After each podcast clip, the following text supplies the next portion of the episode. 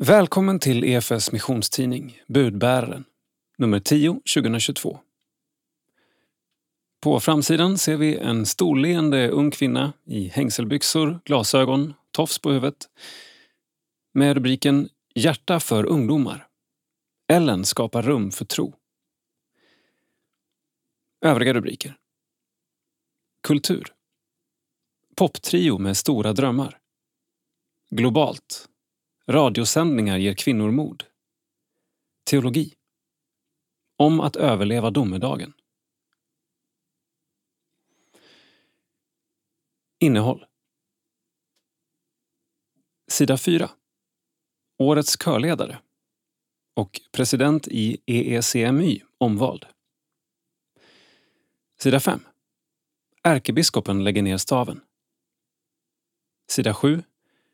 Krönika av Osman Omer. Citat. Att vara fattig innebär att vara berövad alla mänskliga rättigheter. Ekonomiskt, politiskt och socialt. Slutcitat. Sida 10. Samtal.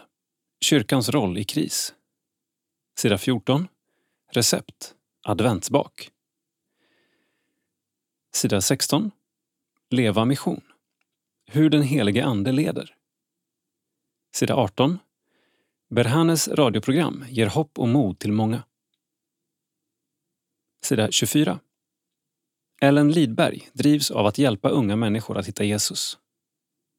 Sida 32. Teologisk reflektion. Är Gud densamme i GT och NT? Sida 34. Så överlever du domedagen. Teologi av Thomas Nygren. Sida 40. Kultur. Recension och boksläpp. Sida 44. Bokutdrag. Helkyrklighet av Magnus Persson. Sida 46. Poptrion Lindé vill göra musik med hopp. Sida 52. Kultur. Psalm. Sida 54. Info. Nytt och aktuellt inom EFS och SALT. Sida 58. EFS region Norrbotten. Sida 60 EFS region Västsverige. Sida 62 Nytt i livet. Minnesrunor och dödsannonser. Sida 66 Salt. Den bästa massäcken. Krönika av Rebecka Stighem. Sida 3 Ledare. Det finns många valbara utgifter. När ekonomin nu blir kärvare dyker diverse kreativa förslag upp på hur vi som privatpersoner ska kunna minska våra utgifter. Ett förslag som lyfts av Mattias Svensson på Svenska Dagbladet är att gå ur Svenska kyrkan. Det möttes av protester från flera håll. Mattias Lönnebo, präst i Gamla Uppsala församling, menade att det finns många andra valbara utgifter att skära ner på. Även människor som inte själva var bekännande kristna skrev på sociala medier om att de med glädje betalar vad det kostar dem att vara medlemmar i Svenska kyrkan. De vittnade om hur de själva eller människor i deras närhet fått materiell hjälp när samhället svek eller tagit emot ovärderligt stöd vid förlusten av en närstående. När allt annat rämnade hade kyrkan funnits där och de var gärna med och bidrog till att andra skulle få samma möjlighet. Även i tider då det valet blev kännbart för dem själva. Alla har inte många valbara utgifter att prioritera mellan. Även i vårt land tvingas allt fler istället prioritera mellan det som är nödvändigt, som mat på bordet, kläder till barnen eller tak över huvudet. I värsta fall finns inte ens medel till något av det. Men många av oss har faktiskt möjligheten att välja mellan valbara utgifter. Så vad väljer vi och varför? Vi vet att givandet generellt går ner i en lågkonjunktur men nöden hos dem som redan är utsatta i vår värld minskar inte i sådana tider. Den ökar. I ärlighetens namn gör nog flera av oss inte valet av utgifter utifrån vad som är nödvändigt för vår överlevnad utan snarare utifrån att bevara tjockleken på det där lagret av guldkant på tillvaron som vi vant oss vid. De prioriteringar vi gör riskerar då att varken handla om vad andra eller ens vi själva verkligen behöver utan om vad vi vill men Jesus kallar och utmanar oss till att ha vår trygghet i honom. Han vill att vår skatt ska vara i himlen, där inga lågkonjunkturer kan hota. Han vill att vår omsorg famnar den utsatte, inte vår bekvämlighet. Låt oss be om att det får vara grunden för vårt hopp och våra prioriteringar. Mia Ström, Sverigechef.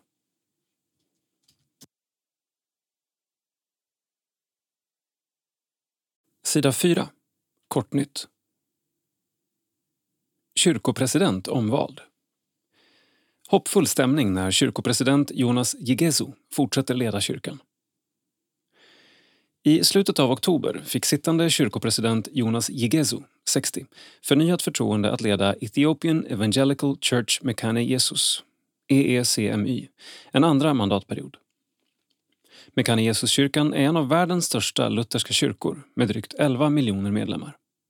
Kyrkan bildades 1959 och samlade då det missionsarbete som påbörjats av EFS i Eritrea på 1860-talet och som sedan flera utländska missionsorganisationer anslutit sig till.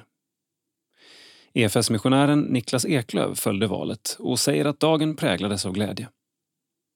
Min förhoppning är att Jonas, genom att få fortsatt mandat att leda kyrkan, både ska stärka enheten i kyrkan och stärka kyrkans röst och roll för fred, försoning och samarbete på nationell nivå. Utmaningarna som Etiopien står inför är enorma. Bland annat etnisk splittring, krig, torka och ekonomiska problem. Kyrkans profetiska röst, konkreta utvecklingsinsatser och kärlekens befriande evangelium behövs mer än någonsin. Hallå där, Jonas Engström, som tilldelats priset som Årets körledare 2022. Grattis till priset! Hur känns det? Overkligt, uppmuntrande och hedrande. Det är ett förtroende att bära den titeln under ett år.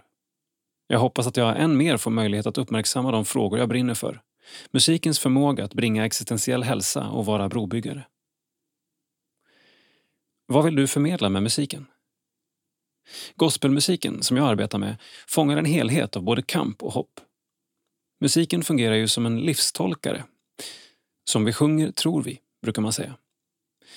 Den kan plantera frö av hopp som sedan bär oss genom tuffa perioder. Vad ser du fram emot nu? Den 26 november ska Per-Erik Hallin uppträda med min kör One Nation med flera i Pingstkyrkan i Helsingborg. Per-Erik är en stor inspirationskälla för mig, så det ser jag fram emot.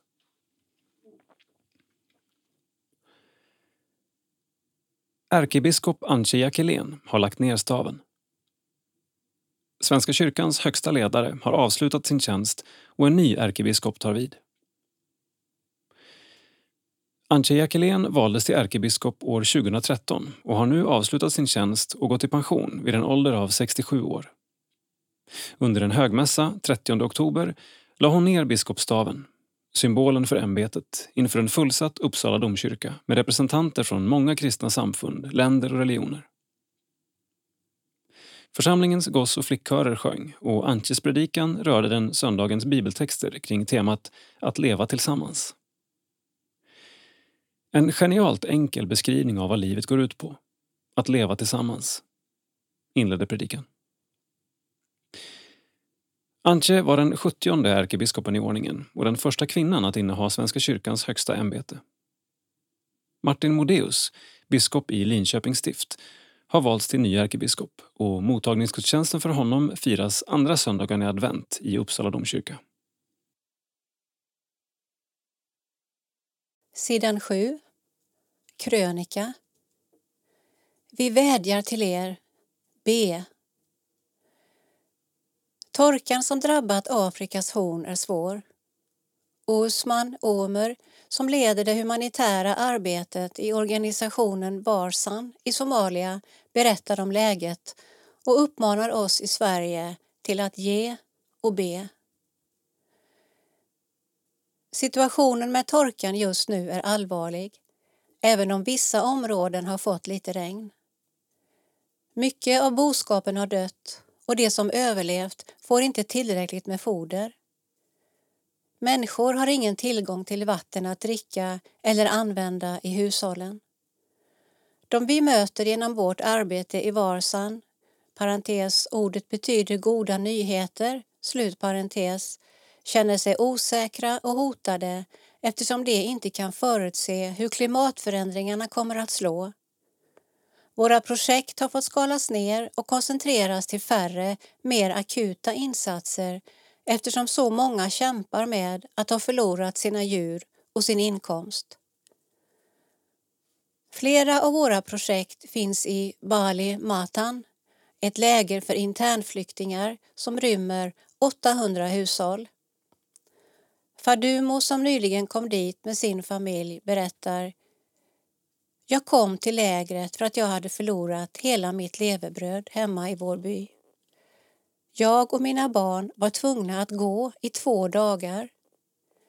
När vi kom hit hade jag ingenting, varken skydd för natten, mat eller vatten. Men en sjukvårdsarbetare här hjälpte mig att hitta någonstans att bo och gjorde en gratis hälsoundersökning av mig och min familj. Varsan hjälpte mig också att hitta ett nytt levebröd, att föda upp kycklingar. Så nu är jag mer ekonomiskt självständig och kan försörja min familj. Varsan arbetar med fattiga samhällen på landsbygden. De saknar kläder, mat, utbildning och hälsovård. Att vara fattig innebär att vara berövad alla former av mänskliga rättigheter, ekonomiskt, politiskt och socialt. De har otillräcklig näring, högre risk för sjukdomar och svårt att få sina behov tillgodosedda. Alltsammans gör att människor själva har svårt att ta initiativ och kämpa för att få sin situation bättre. De behöver sina grundbehov täckta för att kunna göra det. Utöver ekonomiskt stöd behöver vi verkligen stöd i bön. Människor behöver se och uppleva Guds närvaro. Majoriteten av folket här vet inte att Gud är verklig. Pressen från radikala religiösa grupper och styret i landet är stor. Så vi vädjar till er, be för det här folket, för hela Somalia och den svåra situation vi är i. Osman Omer, verksamhetsledare, Varsan.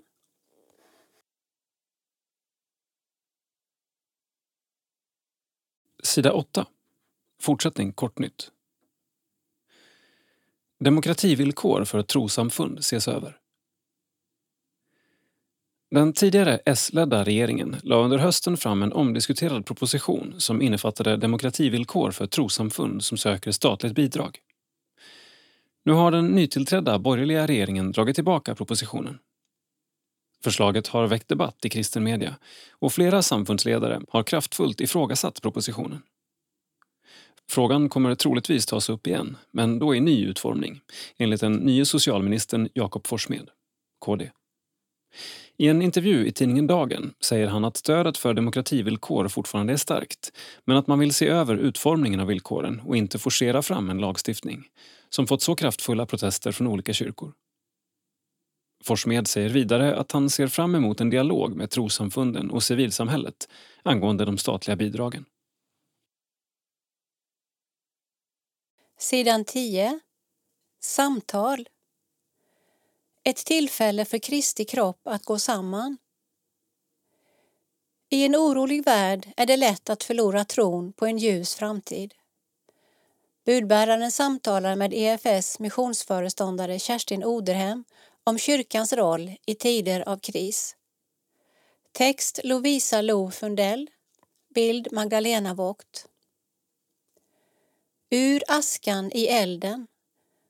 Så skulle man kunna sammanfatta övergången från pandemin, som ännu inte helt släppt sitt grepp, till höjda mat och elpriser, svält på Afrikas horn och krig som kommer allt närmare Sveriges gränser. Men utifrån vår situation här, givetvis i mångt och mycket ett privilegierat perspektiv, kan kriserna också föra goda saker med sig. Utan att förneka lidandet i den senaste krisen, pandemin, vill Kerstin Oderhem lyfta fram att den gav oss värdefulla lärdomar om vad människor kan få betyda för vår nästa. Vi såg exempel på nyheterna om de som handlade mat till sina grannar, grannar som de aldrig tidigare hälsat på. Det blev en fantastisk uppslutning på många sätt där vi började ta hand om varandra. Men hon kan också se att det finns en skillnad i erfarenhet beroende på ålder där vi kan lära av varandra. Den yngre generationen har inte någon erfarenhet av en liknande kris som pandemin. Min föräldrageneration däremot växte upp i efterkrigstiden i ett samhälle som inte hade det lika gott ekonomiskt ställt som vi har det idag. Jag tror att vi behöver se hur generationer ställer sig sida vid sida och visar hur man tidigare hanterat och tagit sig igenom utmanande tider. Våra mor och farföräldrar fick göra det bästa av de knappa resurser som fanns. I en värld som alltid skakar på ett eller annat håll finns det kanske en tendens att vi i vår del av världen, så som Kerstin antyder, blir en aning historielösa eller kanske rent av något världsfrånvända i vårt sätt att relatera till vår omgivning. Det som gör ont vid exempelvis en krympt hushållskassa kanske egentligen inte är farligt utan avslöjar att vi har skaffat oss vanor som inte är hållbara för varken klimatet eller världsekonomin. En annan livsstil är både möjlig och hållbar.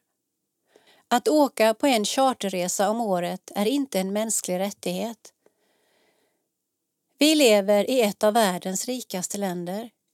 De flesta av oss har tak över huvudet och mat för dagen men vi kommer kanske inte ha råd att äta på samma sätt framöver som vi gör nu. Nya siffror från Matpriskollen visar att priserna för livsmedel ökat med hittills 14 procent sedan årsskiftet och många av oss upplever reella skillnader i vad pengarna faktiskt räcker till när vi står i matvaruaffären. För människor med knappa resurser kan höjningarna vara det som avgör huruvida det går att äta sig mätt eller inte. Där manar Kerstin kyrkan att växla upp och gå från tanke till handling. Paulus beskriver att vi är olika delar i en kropp. Den ena kan inte säga till den andra ”jag behöver inte dig”. När vi ser bröder och systrar lida nöd måste vi hjälpa varandra. I den bästa av världar känner vi varandra i kyrkans gemenskap och kan erbjuda hjälp innan den som behöver hjälpen ber om det. Det är bättre att få ett nej än att inte ha frågat, hur obekvämt det än kan kännas. Kerstin fortsätter. Tänk om vi som kyrka kan bli som ett resurscenter för Guds godhet och se brustenheten som en chans att komma med läkedom och helande. Att vi i praktiken verkligen får bli diakonala och även peka på det hopp som finns i Jesus. Den lokala kyrkan är ett fantastiskt redskap för att betjäna närområdet där människor upplever kris. Många är andligt öppna och söker sig till samtal. Kerstin pekar tillbaka på EFS begynnelse under 1800-talet och den stora emigration som pågick till Amerika. Det var en tid av svår nöd, men också stark väckelse. Människor slöt sig samman. Bönhus, kapell och kyrkor byggdes runt om i landet och man delade med sig av det lilla man ägde till missionen för att kärleken till Jesus var så stark. Många bäckar små gör en stor å. Det uttrycket gäller för både givande av sina resurser och i praktisk hjälp till vår nästa. Om vi som enskilda lemmar i Kristi kyrka, de som bor i ett hyreshus eller ett helt samhälle, går samman kan var och ens lilla bidrag bli oerhört stort. Det gäller för både givandet till församlingen och att hjälpa vår nästa. Alla bidrag räknas. Jag undrar vad som skulle kunna hända i ekumeniken om vi ser detta som ett tillfälle för hela Kristi kropp att gå samman och gemensamt göra skillnad för våra lokala orter. Svårigheter och utmaningar, både på samhälls och individnivå, kan öva oss i tacksamhet för det vi lätt tar för givet. Att återigen börja tacka Gud för maten eller be aftonbön och tacka för den varma sängen att sova i är bra sätt att börja på, menar Kerstin. I sin tjänst som missionsföreståndare hör hon många exempel på hur svårigheter vänds till något gott inom EFS och andra kyrkor över hela landet. Jag träffar människor som har börjat be för sina grannar och berättar om Jesus och hör om hur föreningar startar kaféer som blir en samlingspunkt i samhället. Andra har berättat om att de startat bönevandringar för företag, skolor och äldreboenden i sitt närområde. Jag upplever att EFS som missionsrörelse är på tårna och ser möjligheter att dela evangeliet vidare med andra.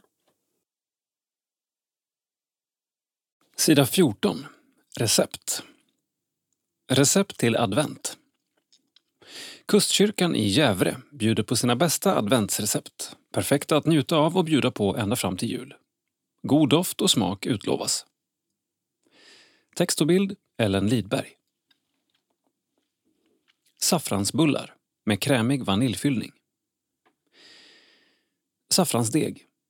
50 gram jäst, 5 deciliter mjölk, 1 gram saffran, 250 gram rumsvarmt smör, 2 deciliter strösocker, 1 kilo vetemjöl, cirka 16,5 deciliter, 1 tesked salt.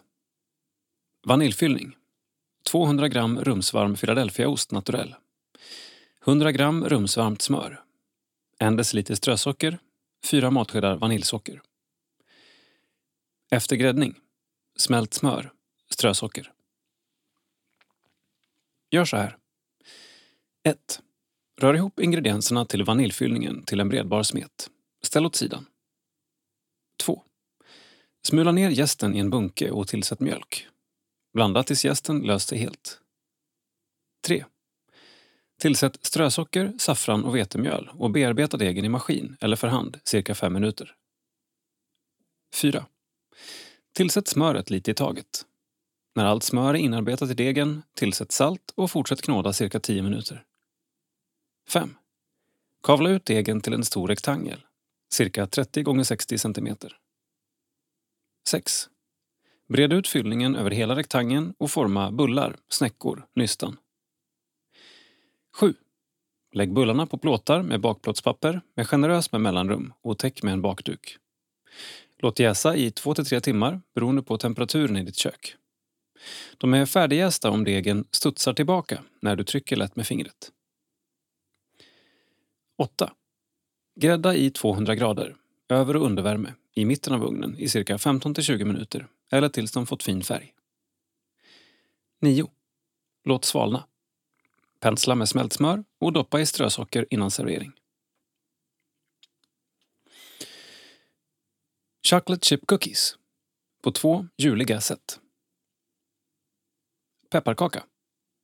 225 gram rumsvarmt smör, 3 deciliter farinsocker, 1 deciliter strösocker, 1 tesked vaniljsocker, ett ägg, 5 deciliter vetemjöl, en halv tesked bikarbonat, en halv tesked bakpulver, två matskedar pepparkakskrydda, en halv tesked salt, cirka 300 gram choklad.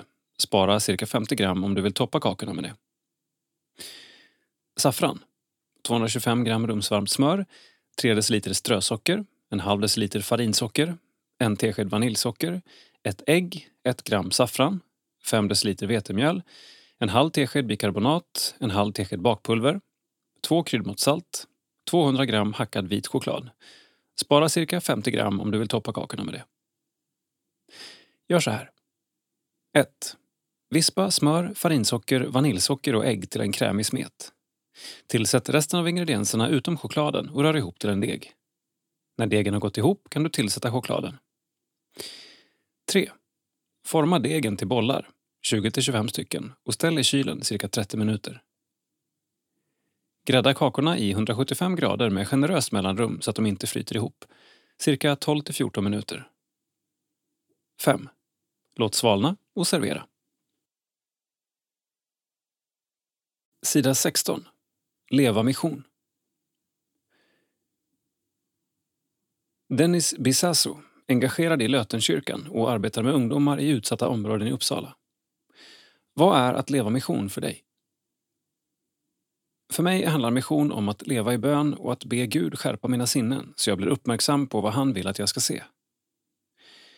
På gymmet kommer ofta folk fram som jag inte känner och vill snacka om träning och det leder till naturliga samtal om livet där jag på ett enkelt sätt kan berätta om mitt engagemang i kyrkan och min tro. Jag har fått berätta om Jesus för både unga och gamla och en kille har börjat följa med mig till kyrkan. Att leva mission kan vara så enkelt som att bli medveten om att jag som kristen alltid är bärare av evangeliet. I vår missionskalender får du möta Dennis och andra personer som berättar om hur de lever mission. Beställ kalendern på www.arken.se efs. Mikael Artursson och Martin Alexandersson ger oss en utmaning för den kommande månaden. Hur leder den helige Ande? Vi vet att Gud är levande och verksam och att han genom sin helige Ande vill leda våra liv. Här vill vi fokusera på två sätt han leder i vårt missionsuppdrag. Genom ingivelser och tilltal. Ingivelsen kan vara en maning att höra av sig till en person, att sätta sig bredvid en främling eller att ta en annan väg hem. Ibland kan vi i efterhand se att denna impuls verkligen kom från Gud eftersom den som vi hörde av oss till stod i något svårt. Det blev ett givande samtal med främlingen eller det hände något oväntat på grund av vägvalet. Alla dessa ingivelser har det gemensamt att fallhöjden är låg. Om det inte visar sig finnas något behov är ingen skada skedd. Tvärtom. Utöver ingivelser leder Gud även via tilltal. Oftast består de i en övernaturlig kunskap och insikt i en människas liv. Något som Gud vill uppenbara av omsorg.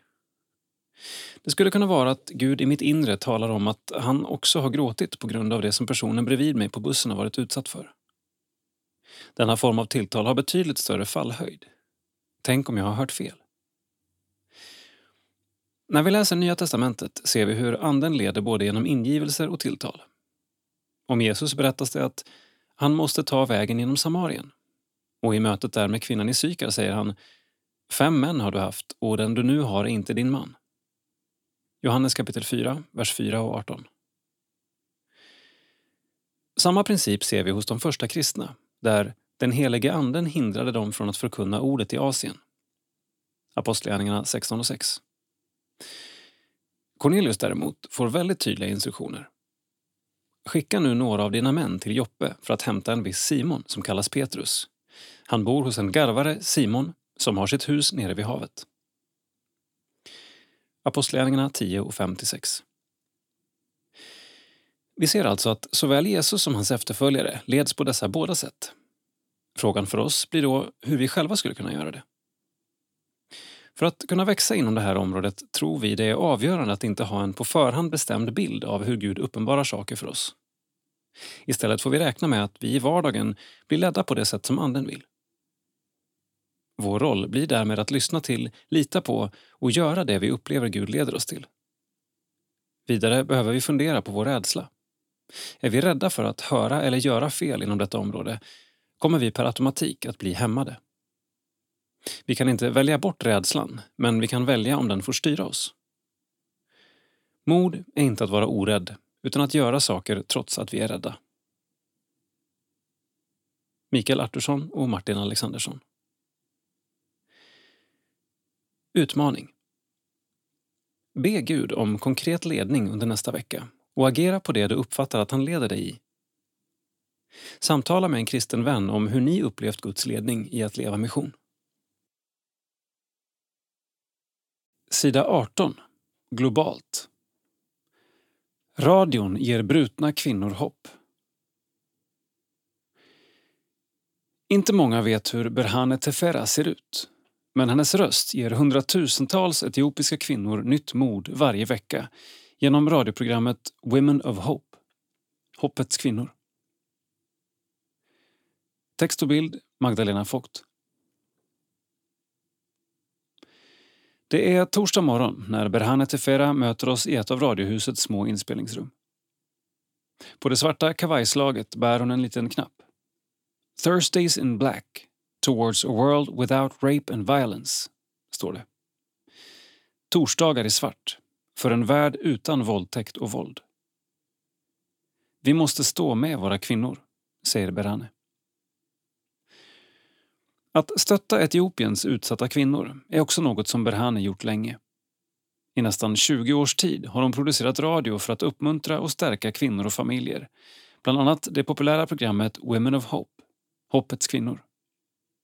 Kvinnor i Etiopien behöver verkligen hopp just nu. Kanske mer än någonsin. Sedan konflikterna bröt ut igen har situationen blivit jättesvår. Människor evakueras. De har tvingats lämna sina hem och sin boskap. Många har också förlorat nära och kära. Allt detta drabbar kvinnorna särskilt hårt och deras behov av uppmuntran och budskap som ger dem hopp och kraft är enormt, säger Berhane. Hon skruvar på den lilla knappen på kavajslaget. Det fysiska våldet som drabbar så många etiopiska kvinnor gör henne särskilt ledsen. Oavsett om det sker i familjen eller när våldet används av främlingar och fiender, som ett vapen i konflikter. För Berhane är Torsdagar i svart inte bara en knapp hon bär på torsdagar i enlighet med den kampanj som Kyrkornas världsråd initierat. Hela hennes liv och yrkesgärning handlar om att stötta kvinnor. Vi pratar om alla typer av svårigheter i våra program, även det som är känsligt och tabubelagt. Det är så viktigt att kvinnorna inte lämnas ensamma med sina tankar och sin kamp. Därför uppmuntrar vi dem också att ringa och ta kontakt om de vill prata mer eller be tillsammans med någon, berättar Berhane. Efter varje sändning tar teamet emot ett 20-tal samtal. Många ber om förbön eller om råd hur de ska agera i specifika situationer. Somliga behöver själavård eller vill ha hjälp att be om helande. Det är nästan alltid någon som har kommit till tro och vill bli en personlig kristen efter att ha lyssnat. Det är svårt att lägga ifrån sig arbetstelefonen, fortsätter Berhane och berättar vidare om ett väldigt speciellt samtal som hon fick ta emot häromkvällen. Det var en kvinna som hette Hanna som ringde från östra Etiopien. Hon var höggravid och berättade att hon precis fått verkar. Hon var livrädd och alldeles ensam. Eftersom hon inte hade möjlighet eller råd att ta sig till något sjukhus ville hon att jag skulle be tillsammans med henne medan hon födde sitt barn. Min dotter kom springande och undrade vad som stod på och vi satte oss tillsammans och bad över telefonen med Hanna medan hon födde sitt barn. Alldeles utan komplikationer, berättar Berane. Berättelserna är många och det är så tydligt att Berhane verkligen älskar de människor hon jobbar med. I det lilla radiohuset i Makanissa produceras dock inte bara program för kvinnor. EECMYYDCS, The Ethiopian Evangelical Church Mekane Jesus Yemsirach Dimts Communication Services, sänder ett brett utbud av program på flera språk. Huvudsakligen handlar det om evangelisation, barn och ungdomsprogram och sändningar som fokuserar på olika sociala utmaningar såsom behovet av fred och försoning. Evangelisationsprogrammen riktar sig främst till människor med muslimsk bakgrund. Berhane minns en muslimsk man som ringde in för några år sedan från östra Etiopien. Han hette Ararsa och han var blind. Strålande glad berättade han att Gud hade öppnat hans ögon medan han lyssnade på programmet. Inte hans fysiska ögon, han var fortfarande blind, men hans andliga. Han ville ta emot Jesus och bli en kristen. Efter det började han läsa teologi och nu är han bibellärare. Tyvärr har hans familj helt tagit avstånd från honom. Men han fortsätter undervisa och resa runt i östra Etiopien, där det bor många muslimer. Andra lyssnare vittnar om fysiska helanden. En man som hette Chimdesa ringde nyss in och berättade att Gud helat en allvarlig sjukdom i hans mage under tiden som han lyssnat till radion. Egentligen når radioprogrammen 90 procent av Etiopiens befolkning men det är knappt två miljoner människor som lyssnar regelbundet. Tusentals människor hör av sig med respons varje år och nästan 1500 människor kommer till tro efter att ha hört programmen. Därför behövs också ett stort team av människor som kan besvara alla samtal och frågor som kommer in. Det var så Berhane började sin bana. Hon brukade handla på den lilla marknaden utanför radiohuset och varje gång hon passerade skylten med bokstäverna EEC MYYDCS slog hennes hjärta lite snabbare.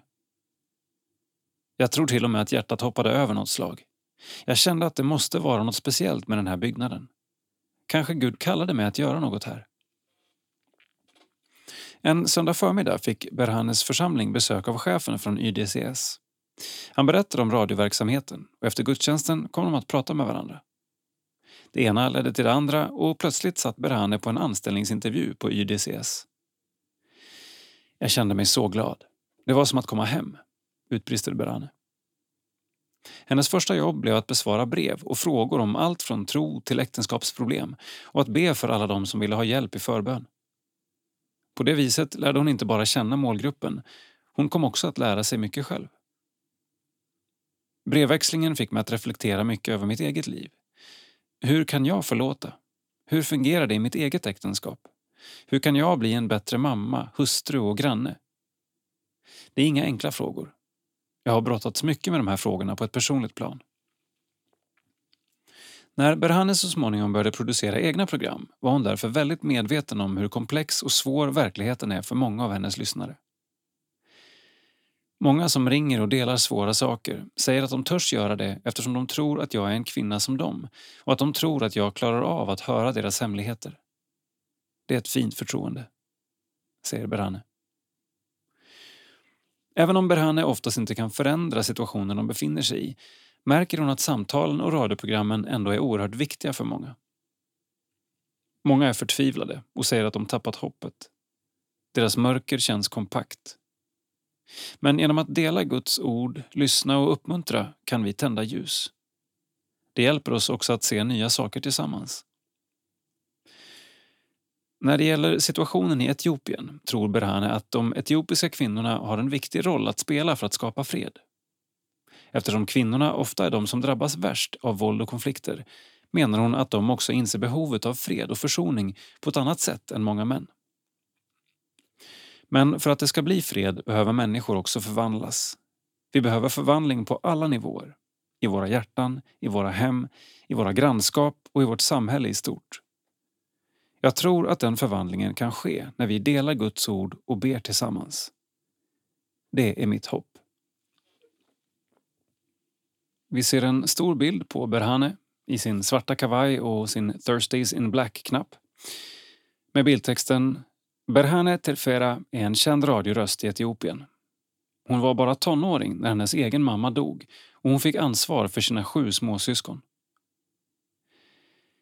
Jag vet hur det är att känna sig ensam och bära ett tungt ansvar för en familj. En erfarenhet som jag haft stor nytta av när jag möter många utsatta kvinnor i arbetet med programmet Women of Hope. Vi ser en bild på en mikrofon, mixerbord och lite annan radioutrustning med bildtexten EECMY YDCS producerar radioprogram på flera språk. Exempelvis amhariska, afan oromo, sidama, hadia och kembata. 90 procent av Etiopiens befolkning har möjlighet att höra sändningarna. Var med och gör det möjligt. Det kostar cirka 500 kronor att producera och sända ett radioprogram som hörs av nästan två miljoner människor. Besök efs.nu gavoshop för att handla annorlunda julklappar. Förutom radioprogram kan du också köpa hönor, skolmat och utbildningar för sjuksköterskor och teologer. Bra, eller hur?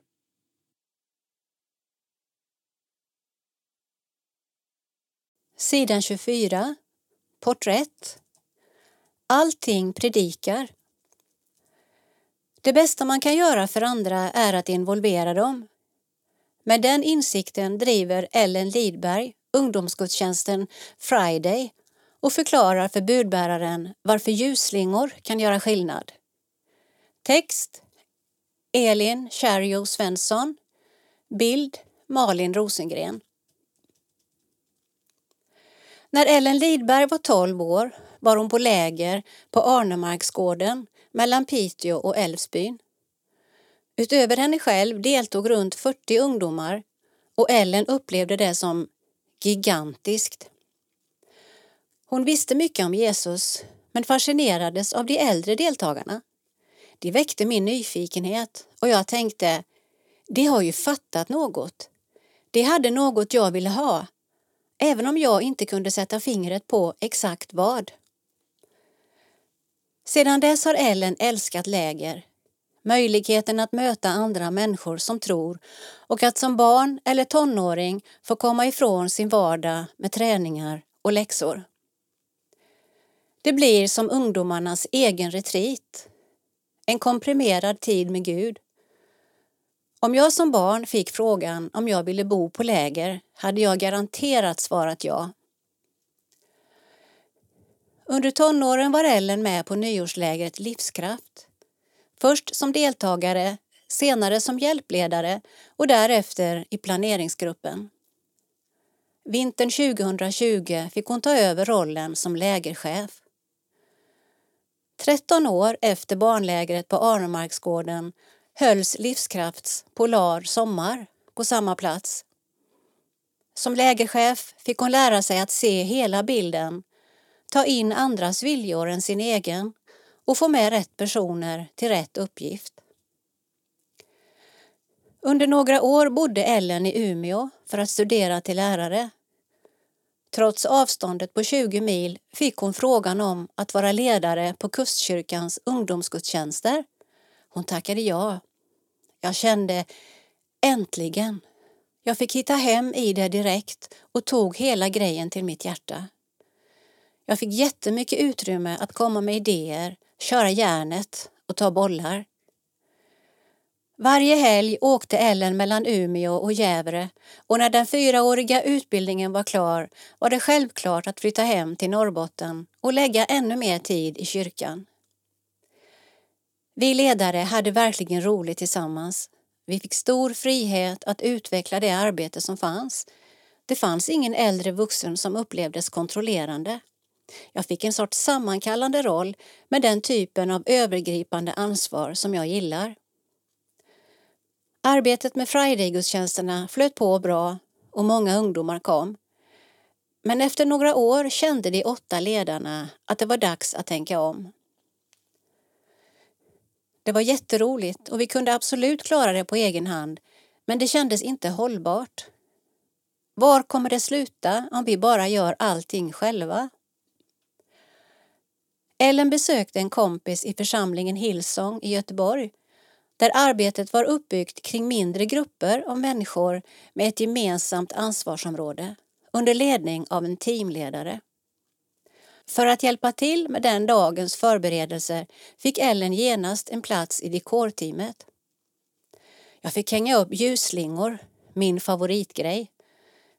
Jag hade aldrig känt mig så hemma och kände att det är ju så här det ska funka. Då tänkte vi i Kustkyrkan att det vore roligt att prova att arbeta i team. Det var noll procent strategi, bara en öppen dörr. Vi välkomnade alla som ville till förberedelser en torsdagkväll och folk var astaggade. Det startades grupper för lovsång, fika, teknik, dekor och välkomnande. Teamledare med ansvar för den mindre gruppen utsågs. Fokus är att vi gör Friday tillsammans. En Friday-gudstjänst börjar alltid lite efter sju. Ungdomarna välkomnas med popcorn eller chips och gudstjänsten inleds med en introfilm där man ser unga ta sig från olika delar av Gävle till kyrkan. Några cyklar, några åker moped eller epa, några rider på travande hästar. Därefter drar lovsången igång och gudstjänsten fylls med predikan, ljuständning och förbön. När musiken klingat av har en lyxig fikabuffé dukats upp i serveringssalen. Alla samlas runt borden med tända ljus i mässingsljusstakar. Kanske tar någon fram ett spel eller erbjuder en lek eller varma mackor senare under kvällen. Vi tänker mycket på hur det ska kännas i rummet vi vill ha det genomtänkt i allt, från hur det ser ut till hur gudstjänsten är. Det stora är att förmedla till de unga ledarna varför vi gör det, varför det är viktigt med ljusslingor. Ja, varför är det viktigt med ljusslingor? Det kan vara en uppgift för en ungdom att få göra det fint för någon annan. Det gör något med oss att få komma till ett rum som är mysigt. Allt predikar. Och här är det inte bara någon som har låst upp dörren.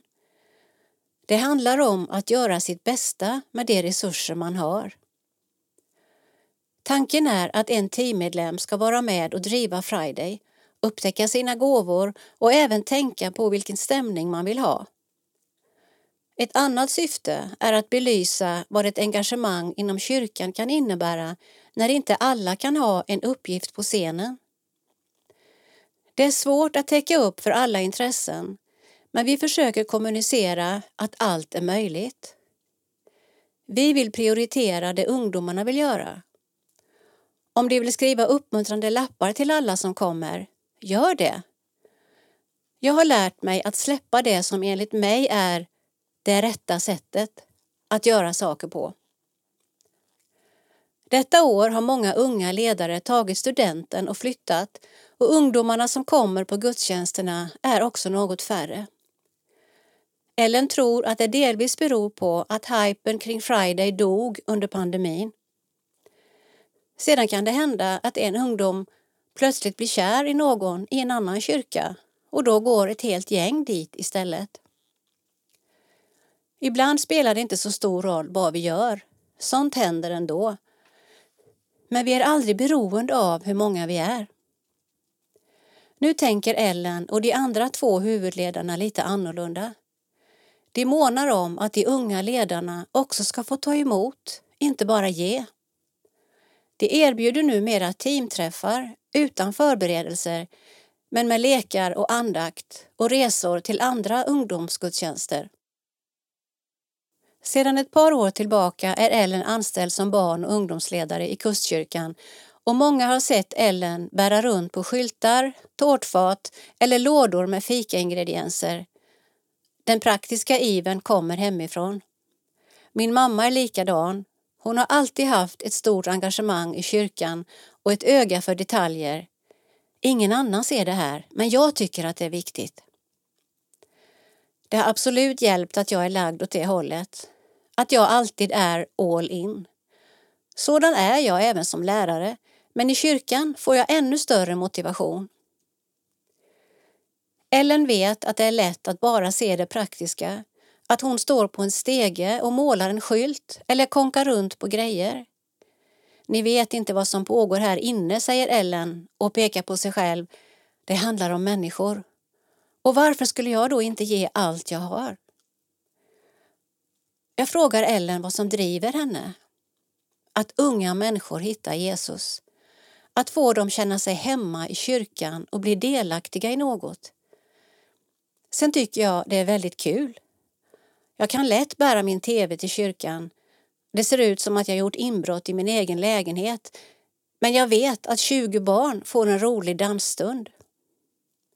Men det är verkligen inget krav, något som måste göras varje vecka. En del kan undra om vi måste göra det så komplicerat. Kan vi inte bara ses och lovsjunga Gud? Gör det! För all del, gör det! För Ellen är en ständig pågående bön viktig för gudsrelationen. Eftersom hon är en pratare föredrar hon att be högt om allt. Jag försöker lyssna också. Konversationen pågår ständigt i hjärnan jag tänker på det som bön med låg tröskel. För några år sedan såg jag en bild på Instagram som bara bestod av orden Hej Gud! Det budskapet gick rakt in. Vi får börja där. Lovsången är något som talar mycket till Ellen fastän hon själv varken sjunger eller spelar något instrument. Det är så knäppt att jag inte kan det när jag brinner så mycket för lovsången. Men jag använder lovsången på andra sätt och känner mig otroligt nära Gud i den. Bibelläsningen är det lite annorlunda med. Ellen benämner den som viktig men knepig. Nu läser hon Gamla testamentet utifrån ett nyårslöfte som började med att hon googlade Vilken är den kortaste boken i Bibeln? Det är Obadja, säger Ellen och brister ut i sitt omisskännliga skratt. Varje gång jag öppnar Bibeln känner jag det är ju det här som gör att jag kan ha en ständigt pågående relation, att jag kan tacka Gud, att jag kan lovsjunga Gud. Det är det här som är grunden.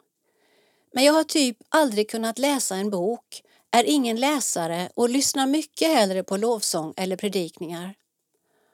Och Bibeln har liten text och är lång. Där har jag fått lämna det till Gud och säga Ja, men hjälp mig då.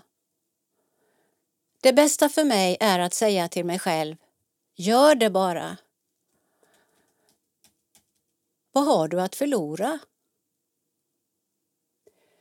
Ellen menar att undervisningen i kyrkan ibland kan utmåla Bibeln som en svår bok och att det till unga ofta sägs saker som det är klurigt, Gamla testamentet är svårt, ställ in dagens bibelord så det kommer upp i telefonen, det räcker med en vers om dagen. Nej, det räcker inte med en vers om dagen. Eller jo, det kanske det gör, men vi kan mer än att bara prata om att en vers om dagen är bra. En vers ger ingen kontext. Det finns ett fantastiskt sammanhang i Bibeln. Det är det vi ska berätta för ungdomarna. Inte förringa kampen med bibelläsningen, men komma ihåg att det är guld.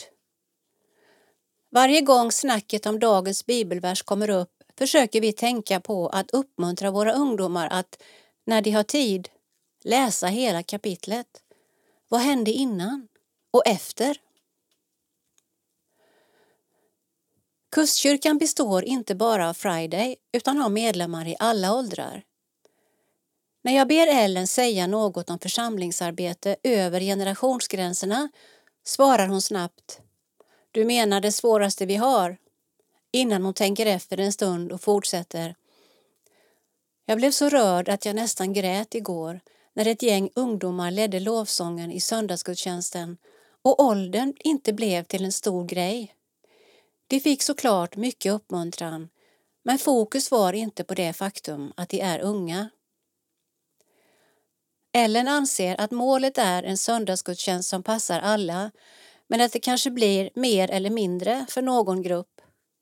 Alla behov kan inte mötas på söndagen men alla kan få ta del av gemenskapen, predikan och gudsmötet. Och alla kan, precis som tanken med Friday-gudstjänsterna, själva bli involverade. Handlar söndagen bara om att du ska få? Nej, det är en gudstjänst. Kan jag få ge? Tjänsten handlar inte bara om scenen eller fikat. Att få se någon i ögonen och säga Kul att du är här kan vara en tjänst för Gud. Tänk om jag kan släppa tanken på mig och allt jag ska få och istället glädjas med andra. Ellen Lidberg. Ålder 26 år. Familj Två bröder, mamma, pappa och Anna-Britta. Bor Piteå. Gör barn och ungdomsledare i Kustkyrkan Gävle och saltkoordinator EFS Norrbotten. Favoritbibelord Psalm 27 Sida 32. Teologisk reflektion. Är det samma Gud i GT och NT? Gamla testamentets bild av Gud som våldsam och straffande får många att ställa sig frågan. Olof Edsinger ger sin syn på gudsbilden i det nya och gamla förbundet. Text Olof Edsinger, illustration Benjamin Kruse. Många kristna har ett kluvet förhållande till GT. Nog för att Saltaren hör till de mest älskade böckerna mellan Bibelns pärmar. Men delar av de historiska och profetiska böckerna får ändå en hel del av oss att resa ragg. Särskilt talet om dom och straff väcker reaktioner. Kan det verkligen vara samma Gud som uppenbarar sig i Jesus Kristus som talar genom dessa texter? De här frågorna lever också i samtidskulturen. Vänsterfeministen Eva Moberg skriver till exempel följande i en recension av Bibel 2000. Jag hade hoppats att Gud skulle utvecklas varefter GT framskred. Verket avspeglar dock åtskilliga sekler, till och med årtusenden och skrevs av många olika författare. Men tyvärr. Ända fram till slutet av de kanoniska böckerna förbannar han, hotar, hämnas, straffar och lovar guld och gröna skogar åt dem som lyder och prisar honom. Herren skulle kunna vara läromästare åt Attila, Hitler, Stalin, Idi Amin, Saddam Hussein, Milosevic och grabbarna. Han är en fullblodsnazist med modernt språkbruk och det är ju vad nyöversättningen eftersträvar. Även Jonas Gardell har gjort sig känd för sin kritik av GTs Gud. I boken Om Gud talar han om Herren som en slaktens gud, förintelsens gud och folkmordens gud. Han hävdar att flera av de gudsbilder som Bibeln ger oss har demoniskt ursprung. Och han menar, helt följdriktigt, att vi måste förpassa dessa texter till historien. Så här drastiskt brukar man inte uttrycka sig i den inomkyrkliga debatten. Men även där kan alltså frågetecken resas. Så vad ska vi egentligen säga? Är det samma Gud i GT och NT? På det formella planet är det här en ganska enkel fråga att besvara. Hela den kristna kyrkan bekänner nämligen både GT och NT som Guds ord. Jesus och apostlarna citerade ofta och gärna GTs skrifter och sanningen är ju att de inte hade någon annan bibel än den judiska att hänvisa till. GT var den bibel som Jesus själv läste. Samtidigt finns det ett skav här. Grovt uppdelat består Bibeln av två olika förbund. Sinai-förbundet och Jesusförbundet. Och långt ifrån allt som var viktigt i Sinai-förbundet är viktigt för den kristna kyrkan. Många av GTs lagar är till exempel passé och frågan kan lätt inställa sig om även andra delar av Bibeln borde rensas bort. Inte minst upplever många att NT talar om Guds nåd och kärlek på ett annat sätt än GT. Och säger inte Jesus själv att lagen gavs genom Mose, men nåden och sanningen har kommit genom Jesus Kristus? Johannes 1 och 17. På denna fråga skulle jag själv svara ja och nej. Om vi börjar med den specifika bibelversen är det faktiskt så att ordet men inte finns i den grekiska grundtexten. Johannes tycks alltså beskriva ett klimax snarare än en kontrast. Genom Mose fick vi Guds lag, men genom Jesus har vi nu fått ännu mer av Guds nåd och sanning.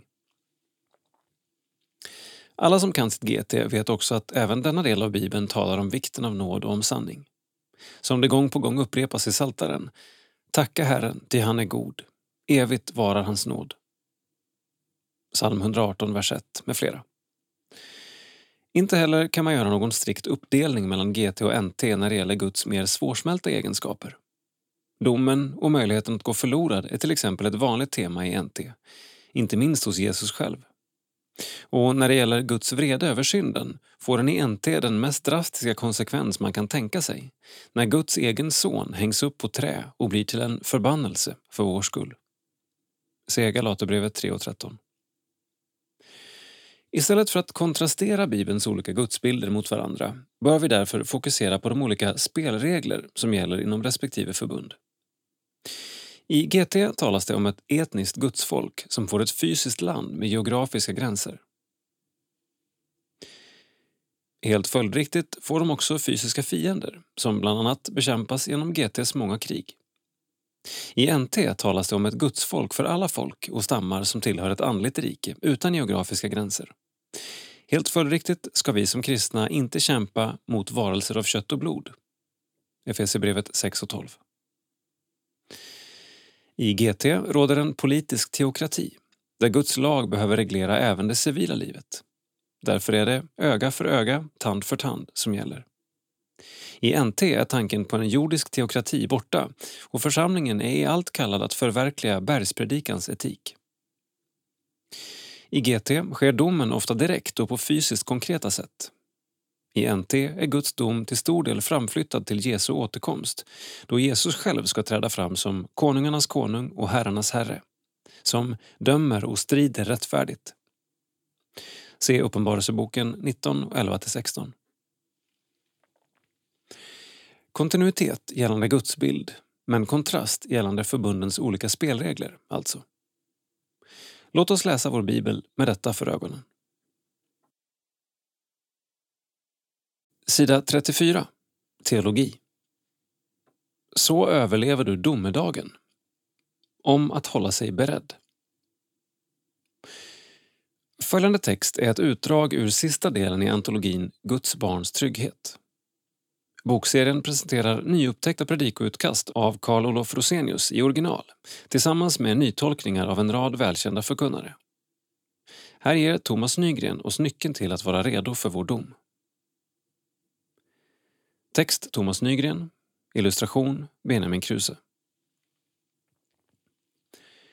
Himmel och jord ska förgå, men mina ord ska aldrig förgå. Dagen och timmen känner ingen, inte ens himlens änglar, inte ens sonen, ingen utom Fadern. Ty som det var i Noas dagar, så blir det vid Människosonens ankomst. Under tiden före floden åt man och drack, gifte sig och blev bortgift, ända till den dag då Noa gick in i arken, och ingen visste något förrän floden kom och förde bort alla. Så blir det också vid Människosonens ankomst. Då är två män ute på åken, den ene tas med och den andra lämnas kvar. Två kvinnor är vid kvarnen och mal, den ena tas med och den andra lämnas kvar. Håll er därför vakna, ty ni vet inte vilken dag er Herre kommer. Det förstår ni ju att om husägaren visste vilken tid på natten tjuven kom skulle han hålla sig vaken och hindra honom från att bryta sig in i huset. Därför måste också ni vara beredda, ty när ni minst väntar det, då kommer Människosonen. Matteus evangeliet 24 och 35-44. Så överlever du domedagen var rubriken på omslaget till tidskriften Illustrerad vetenskap för några år sedan. I numret var hoten mot mänskligheten graderade. Läsaren fick också konkreta och handfasta råd. Största hotet var en pandemi som hade fått risknivå 5 av 5 möjliga. Rådet var tvätta händerna och håll dig borta från andra. Kärnvapenkatastrof fick en trea på riskskalan och rådet här var Sök skydd i en källare och stanna inomhus i nio dagar. Ett annat hot var utbrott av en supervulkan med nivå 1 i risk på den femgradiga skalan. För att bäst skydda sig vid ett massivt vulkanutbrott var rådet bege dig långt bort och skydda ögonen och munnen. Ytterligare ett hot togs med i artikeln. Asteroidnedslag med risknivå 2. Här var rådet Be Gud att forskarna kan få asteroiden ur kurs. Detta var den enda religiösa koppling som fanns i hela artikeln, fast den hade en term hämtad från den kristna tron, domedagen, i sin rubrik. Domedagen behövs. En domedag förutsätts vara en dålig nyhet, synonymt med död och undergång. Ett skäl somliga anger till varför de inte tycker om kristendomen är att tanken på Gud som domare upplevs som negativt och kärlekslöst. Men budskapet om en yttersta dag och domen är i kristen tro faktiskt inte dåliga och onda nyheter, utan goda nyheter. Tänk vad som händer om det inte finns någon fungerande rättsinstans i ett samhälle. Så är det i länder där rättssystemet har kollapsat, där det inte finns någon fungerande maktutövning. Sådana länder flyr människor ifrån. Det är länder där detta är fallet som människor flyr från. När brott och övergrepp inte får påföljder blir livet outhärdligt. Just tanken att rättvisa till sist måste få skipas använder den tyske 1700-talsfilosofen Immanuel Kant som ett slags gudsbevis. Eftersom vi inte kan se att rättvisa skipas här i tiden behövs Gud som garant för att den till sist ska upprättas. Samtidigt finns en kritik mot att Gud framställs som en straffande domare som dömer och straffar. Tanken i den kritiken är att om Gud beskrivs på det sättet blir det legitimt för hans efterföljare att använda våld för att få sin vilja igenom. Ett svar på den kritiken ges av en av de mer internationellt uppmärksammade teologerna sedan några årtionden tillbaka.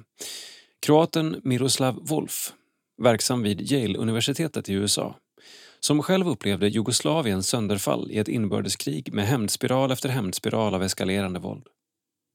Wolf skriver att det medel han sett som var verksamt mot hämndspiralerna var just tron på en gud som till sist skulle skipa rättvisa. Bibelord som Ta inte rätten i egna händer, mina kära, utan låt Guds vrede ha sin gång. Ty det står skrivet, min är hämnden, jag ska utkräva den, säger Herren. Romarbrevet 12 och 19. Var viktiga här. Wolf skriver, Om Gud inte vore vred på orättvisor och svek och slutgiltigt satte stopp för våldet vore han inte värd att dyrkas.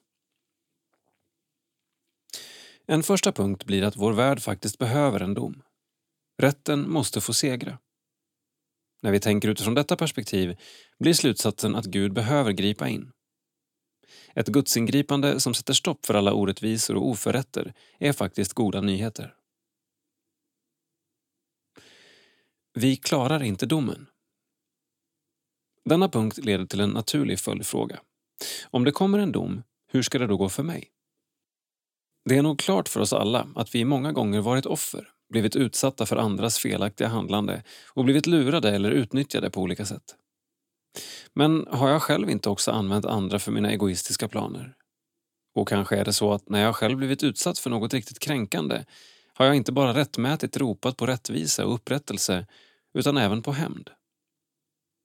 I bergspredikan säger Jesus Ni har hört att det blev sagt till fäderna, du ska inte dräpa. Den som dräper undgår inte sin dom.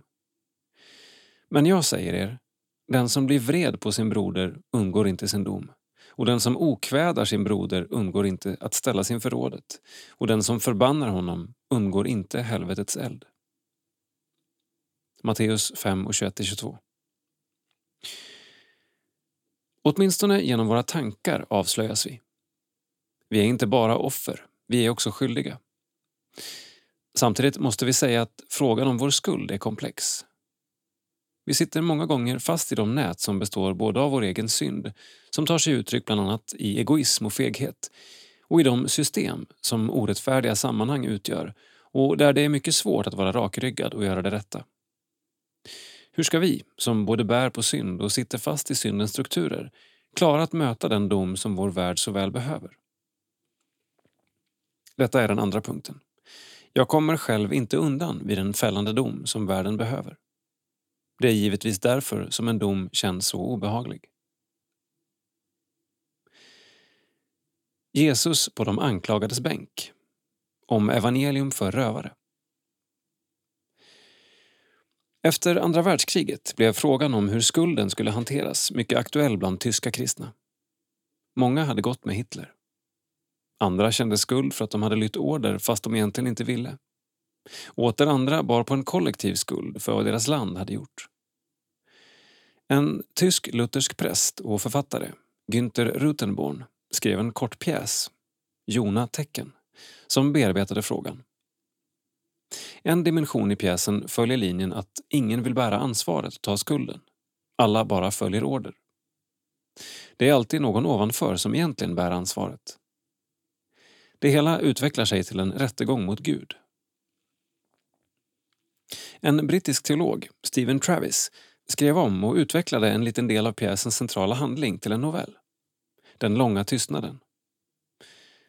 Scenen i novellen är en vidsträckt slätt inför Guds tron där mänskligheten finns samlad på den yttersta dagen. Den fråga man diskuterade var om Gud hade rätt att döma dem. Gud hade det bra i sin himmel. Han hade inte lidit som de människor som fanns där inför hans tron. Man överlade och kom fram till följande krav. För att Gud skulle ha rätt att bli deras domare måste han genomgå samma lidanden som dem. De beslöt därför att Gud skulle dömas till att leva på jorden, som människa. Man radade upp villkor efter villkor som alla byggde på att låta Gud få vara med om allt det onda de som blivit mest utsatta hade drabbats av. Att födas som jude, missförstådd av sin familj, sviken, förrådd av sina närmaste vänner, ensam, torterad, dödad. När kraven på Gud för att han skulle ha rätt att döma var uttalade uppstod en lång tystnad. Ingen sa ett enda ord. Ingen rörde sig. För plötsligt stod det klart för var och en att Gud redan hade uppfyllt de krav de hade dömt honom till. Jesus har satt sig på de anklagades bänk och dömts skyldig. Han gjorde sig till ett offer för allt vad människor tänkt ut och gjort varandra. En lika viktig fråga som vem som har rätt att döma är vem som har rätt att förlåta.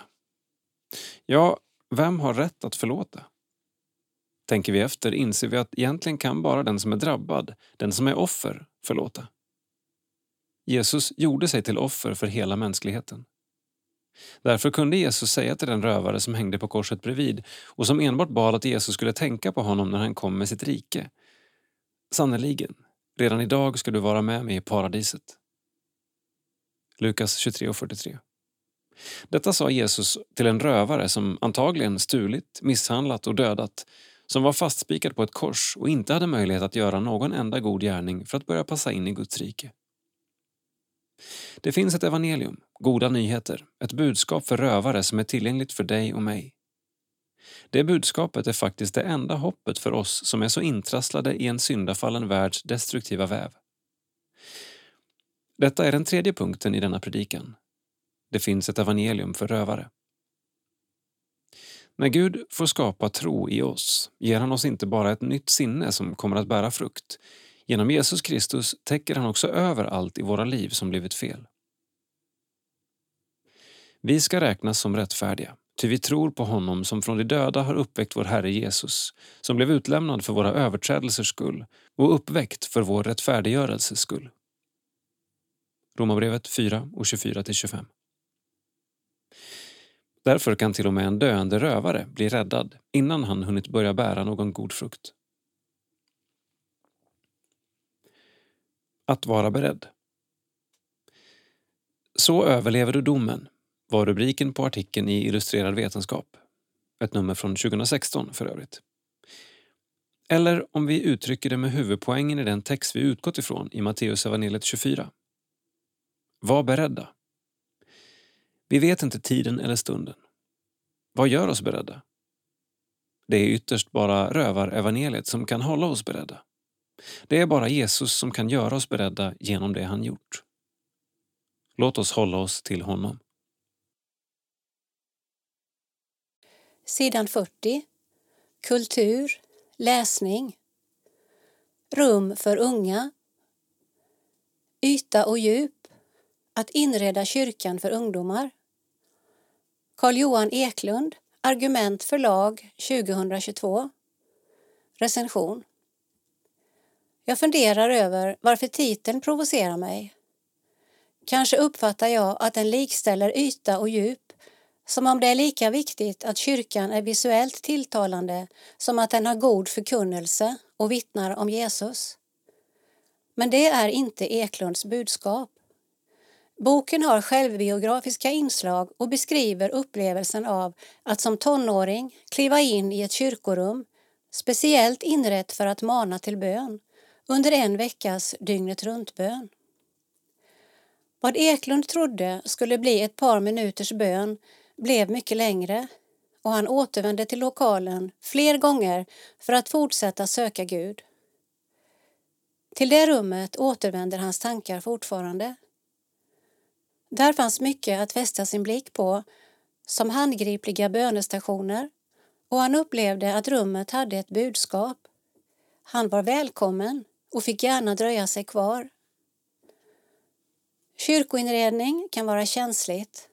Alla ser kyrkan som sin och vi gillar olika saker.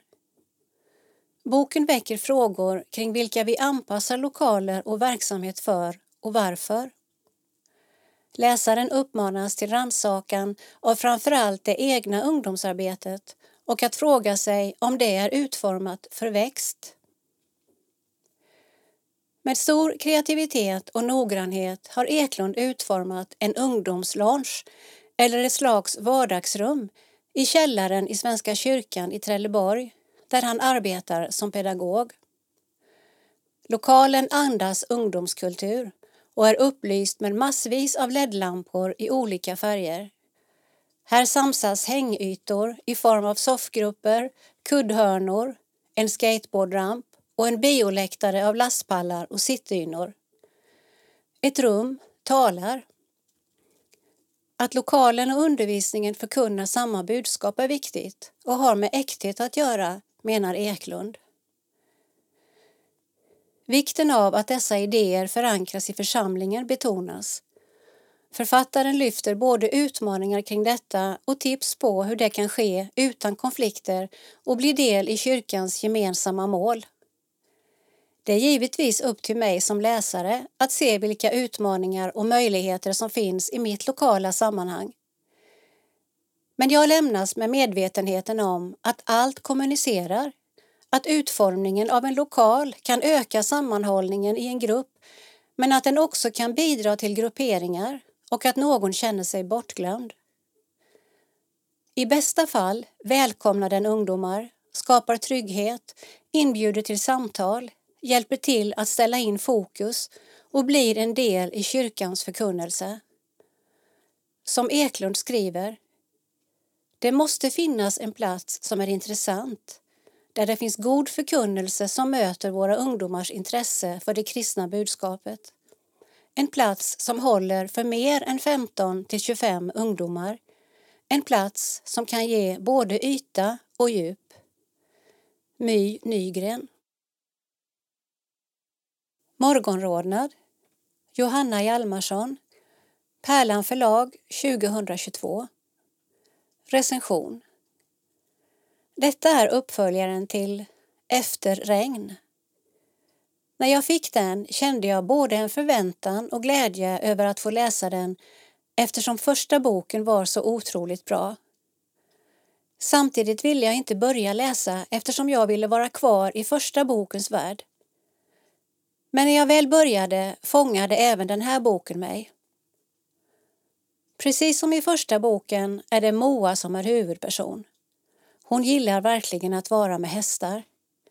Moas pappa Hannes är mycket emot att både Moa och hennes mamma Tilde har blivit kristna. Den här boken är bra för den som gillar att läsa mycket och tjocka böcker. Den passade mig väldigt bra eftersom Moa är i min ålder och jag älskar hästar. Läs den här tjocka fantastiska boken som handlar om hästar, Gud och vänner. Mitt tips är dock att läsa första delen först för att förstå hela handlingen. Märta Ottestig, 13 år. Dig vill jag älska. Om modet och gåvan att leva i nära relationer.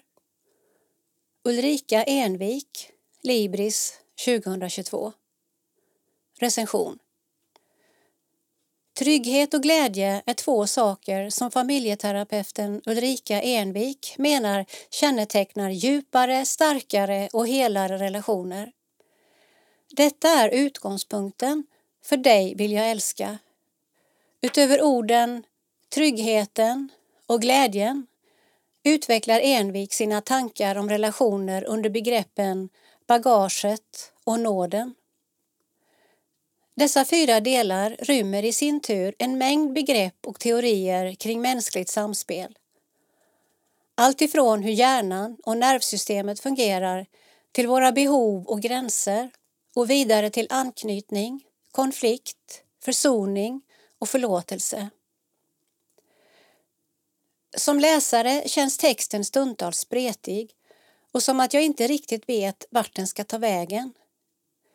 Men att författaren har rik och bred erfarenhet av relationsarbete och mycket att tillföra råder det inget tvivel om.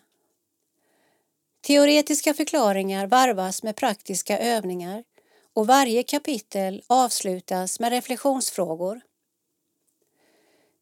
I bokens inledning formuleras en önskan om att den ska fungera som karta och kompass på resan till helare relationer. Under läsningen är det lätt att överväldigas av det komplexa och stundtals svåra i mellanmänskliga relationer och det som boken blottlägger i ämnet. Jag får påminna mig om att det rör sig om en långsam upptäcktsfärd med reflektionspauser snarare än en orienteringssprint till snabba lösningar. Vilken säsong i livet läsaren befinner sig i spelar gissningsvis också roll för vilka delar av boken som tycks mest relevanta. En uppmuntran att återkomma till boken efter behov. Britta Dahlborg Kultur boksläpp Ett ständigt aktuellt budskap nu har den fjärde och sista volymen i bokserien Guds barns trygghet släppts. Text Lovisa Lo Fundell. Bild Magdalena Vogt. Bokserien innehåller predikoutkast från Karl Olof Rosenius, en av EFS förgrundsgestalter. Till dessa utkast har fogats en serie nutida predikningar över samma texter av förkunnare med olika samfundstillhörighet. Lars-Olof Eriksson, som varit textredaktör, tycker att det har varit ett sant nöje att sammanställa alla texter och arbeta med böckerna. Det har varit roligt och givande att läsa Rosenius utkast. Att se hur han tänkte i upplägget av en predikan samt hur strukturerad och genomtänkt han är. Som predikant är Rosenius aktuell än idag med sitt budskap om att människan inte kan frälsa sig själv utan att allt är en gåva från Gud. I vår iver att visa att vi duger inför både människor och Gud vill vi hela tiden förbättra oss själva men där pekar Rosenius outtröttligt på vad Jesus gjort för oss. Det är ett viktigt och tidlöst budskap.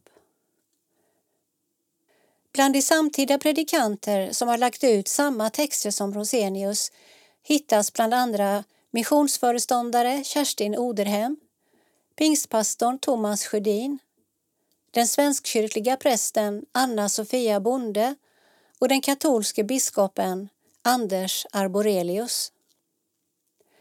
Att få samarbeta och ge respons på predikanternas texter tycker Lars-Olov har varit givande. Jag har många goda minnen av just samtal med predikanterna. Det är sällan man håller en predikan och får direkt respons, men här har vi haft en levande dialog, vilket jag har haft mycket glädje av. Lars-Olov önskar att serien ska hjälpa läsaren tränga in i och meditera över bibeltexterna så som Rosenius gjorde. Som förkunnare var han allt annat än ytlig, menar Lars-Olov, och böckerna hoppas han kan bidra till att låta bibelordet landa hos läsaren. Det känns bra att ha avslutat detta projekt och vi hoppas det kan bli många till glädje. Rosenius var en god människokännare han vrider och vänder på frågor som är relevanta för oss alla, hur man bearbetar sin egen tro och uppfattning. Det är fascinerande. Antologin Guds barns trygghet består av fyra volymer som har utkommit mellan 2020 och 2022.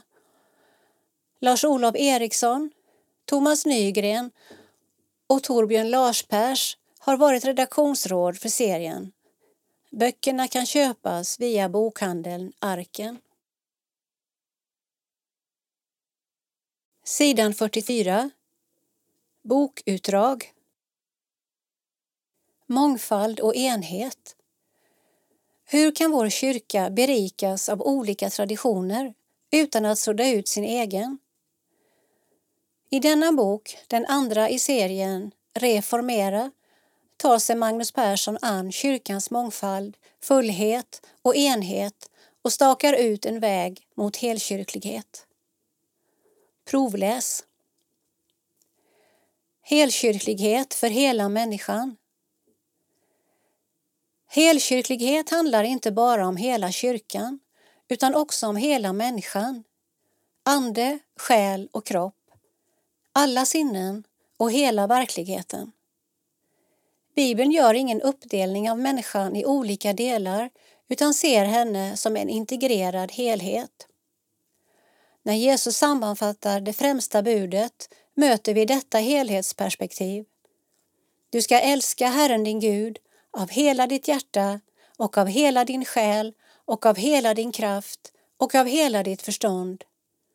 Lukas 10.27 Den holistiska människosynen som fanns redan i fornkyrkan vinner nu mark i både populärvetenskap och bland vanligt folk. Det är idag allmänt känt att våra tankar påverkar kroppen och vad vi gör med kroppen påverkar våra tankar, liksom att vårt känsloliv påverkar hur vi agerar i olika situationer. Även inom kyrkan i stort ser vi ett närmande till en tro som integrerar hela människan. Konsekvenserna av isolerade överbetoningar har lett till vad jag tidigare kallat halvkyrklighet och lämnar efter sig andliga bristsjukdomar av olika slag. Många kristna upplever idag hur delar av troslivets olika dimensioner har blivit överbelastade. För många kristna är det därför djupt läkande och själavårdande, ja alldeles avgörande för den fortsatta trosvandringen, att få upptäcka rikedomarna som finns i de stora kyrkotraditionerna.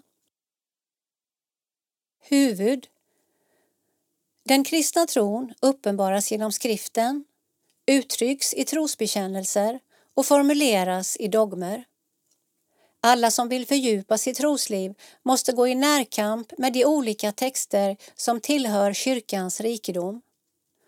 Undervisning, predikan och lärande är centralt i församlingslivet och en tydlig del av Jesu missionsbefallning. Problemen uppstår dock när allt fokus hamnar på talarstolen och enbart intellektuell kunskap premieras. I reformationens kölvatten renodlades ordets särställning och ställdes i kontrast till såväl sakramentalism som överandlig entusiasm. Mot denna bakgrund och den senare modernitetens betoning på det rationella finns en risk att kyrkorummet förvandlas till ett klassrum.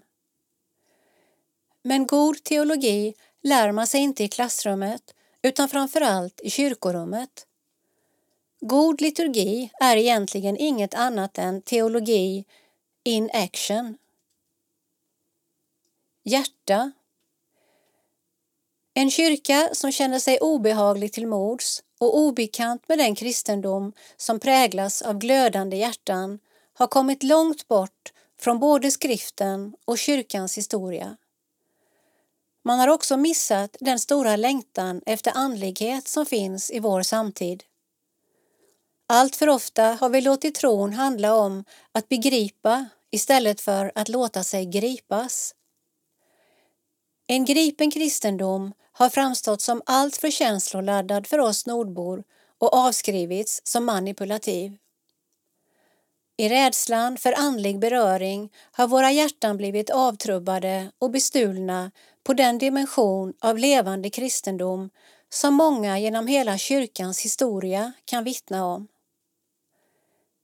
Livsförvandlande andliga erfarenheter som skapat en helt ny livsriktning och som varit till omätlig välsignelse för många andra. Detta är en verklighet som vi behöver ge utrymme i dagens kyrkoliv. För evangelium är liv och inte bara livsåskådning. Händer Kroppslig kristendom har ofta negligerats till förmån för en mer kognitiv eller emotionell trosförmedling. Händernas tro förpassas lätt till antingen social aktivism eller religiös ritualism. Den första anses ofta alltför politiskt motiverad och den senare döms inte sällan ut som livlös och mekanisk. Huvudet står för det rationella medan hjärtat representerar det emotionella. Händerna står för det rituella, riten som bär oss när varken lära eller liv förmår att gripa eller nå oss. Tron ska inte enbart sitta i huvudet och hjärtat utan behöver också sätta sig i kroppen. Det handlar om heliga handlingar, goda vanor och andliga praktiker som gör tron konkret och greppbar. Evangelisk rädsla för gärningslära gör att man ogärna ger handfasta råd och praktisk vägledning för fromhetslivet. På detta område finns dock rikedomar att återerövra och återställa en helkyrklighet för hela människan. Helkyrklighet utkommer i början av november och kan beställas på www.arken.se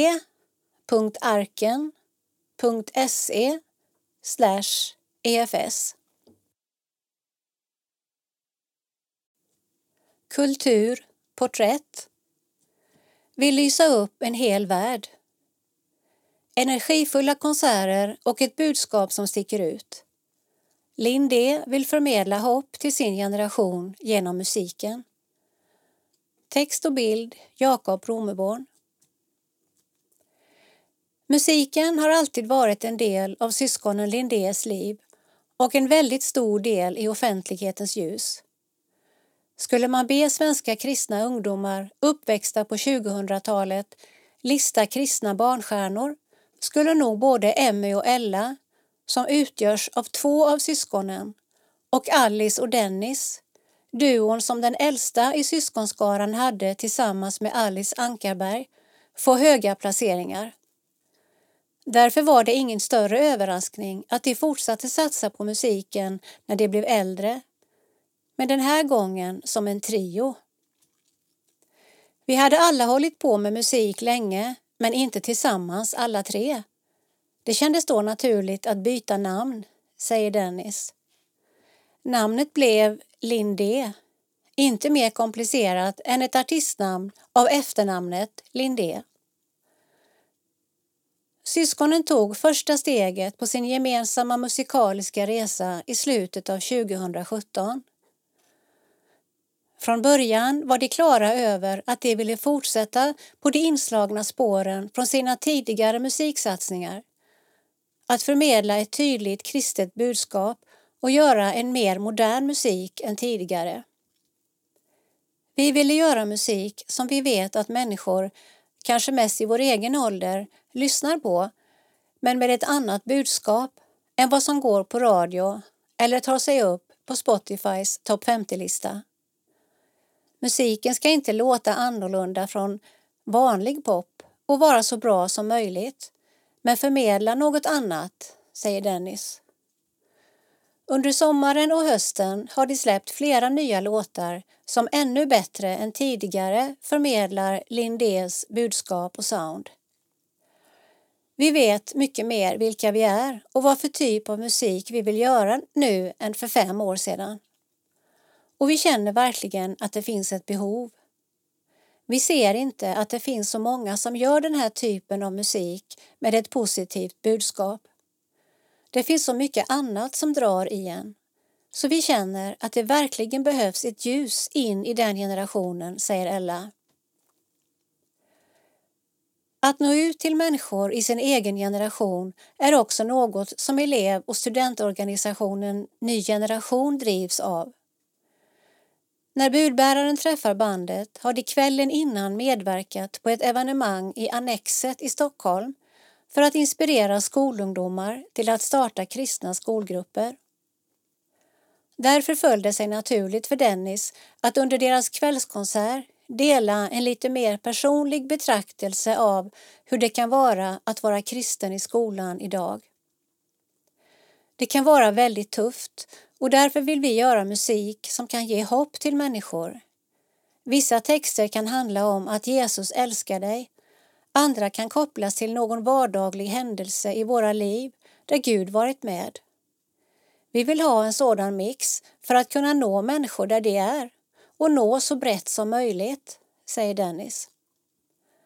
En bra start för det är konserter som den de hållit kvällen innan där drygt 500 kristna ungdomar från hela Sverige samlades i publiken.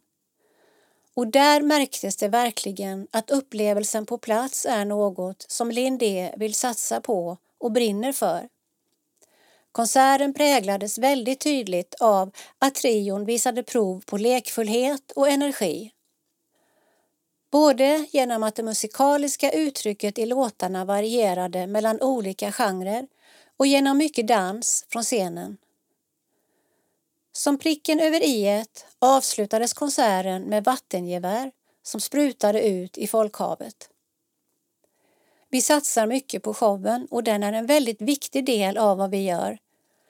Med Lindé har vi väldigt stora drömmar, både att nå ut över världen och här hemma i Sverige. Där brinner vi för att göra stora feta shower, säger Dennis. Men det är något annat än stora arenaspelningar som är den största hjärtefrågan för syskonen Lindé. Själva pulsen som får deras artisthjärta att slå är att förmedla hopp till en värld som behöver det och i slutändan att göra det genom att ge dem budskapet om Jesus Kristus. Om vi bara gillade att sjunga så hade vi inte behövt göra det på det här sättet. Hela grejen är att vi vill sprida Guds kärlek, säger Ella. Något som kommit med den uppgiften är såklart en plattform där de ser sig själva som förebilder för andra unga kristna. Mycket genom sociala medier där Emmy är den mest aktiva i syskontrion. Men alla försöker göra så mycket de kan för att sprida det kristna hoppet till sina jämnåriga. Det är ganska ofta som folk refererar till något jag har skrivit, även om jag kanske tänkt att det inte var så många som gillade eller kommenterade just det inlägget. Då får man verkligen ett kvitto på att det man skriver faktiskt berör, säger Emmy. Folk kan ofta säga jag har inte bett om en plattform, kolla inte på mig. Men jag tänker snarare att om man nu har fått en plattform får man faktiskt göra det bästa man kan av det, säger Dennis. För de tycker som sagt inte det är enkelt att vara ung och kristen i Sverige idag. Särskilt Ella, som fortfarande går på gymnasiet, vill lyfta fram hur viktigt det är att ge unga kristna en hjälp i vardagen. Det pratas ofta på ett sätt som inte känns så positivt, till exempel på religionslektionerna i skolan. Det är väldigt tråkigt att det är så och jag tror att många kan känna att deras tro prövas i skolan från massa olika håll. Därför är det också jätteviktigt att ha andra kristna gemenskaper och stöd utanför skolan så att man ser att man inte är ensam, säger Ella. Trots att syskonens resa på många sätt bara börjat har den redan tagit dem till väldigt många platser utanför Sveriges gränser. De turnerar mycket i Europa och så sent som i somras medverkade de på kontinentens största kristna festival i Storbritannien, Big Church Day Out. Om barnstjärnorna lyste på den kristna svenska artisthimlen så kommer de unga vuxna Lindé inte sluta förrän de får lysa upp en hel värld. Lindé Gruppen består av Dennis Lindé, 23 år, Emmy Lindé, 20 år och Ella Lindé, 18 år. De släppte sin första singel What a feeling 2017 och har sedan dess genomfört mer än 300 konserter i bland annat Sverige, Holland, England, Polen och Brasilien. Sommaren 2022 fick gruppen spela på Big Church Day Out i England, en festival med 30 000 deltagare. Kultur psalm Svenska psalmboken, psalm 21 Måne och sol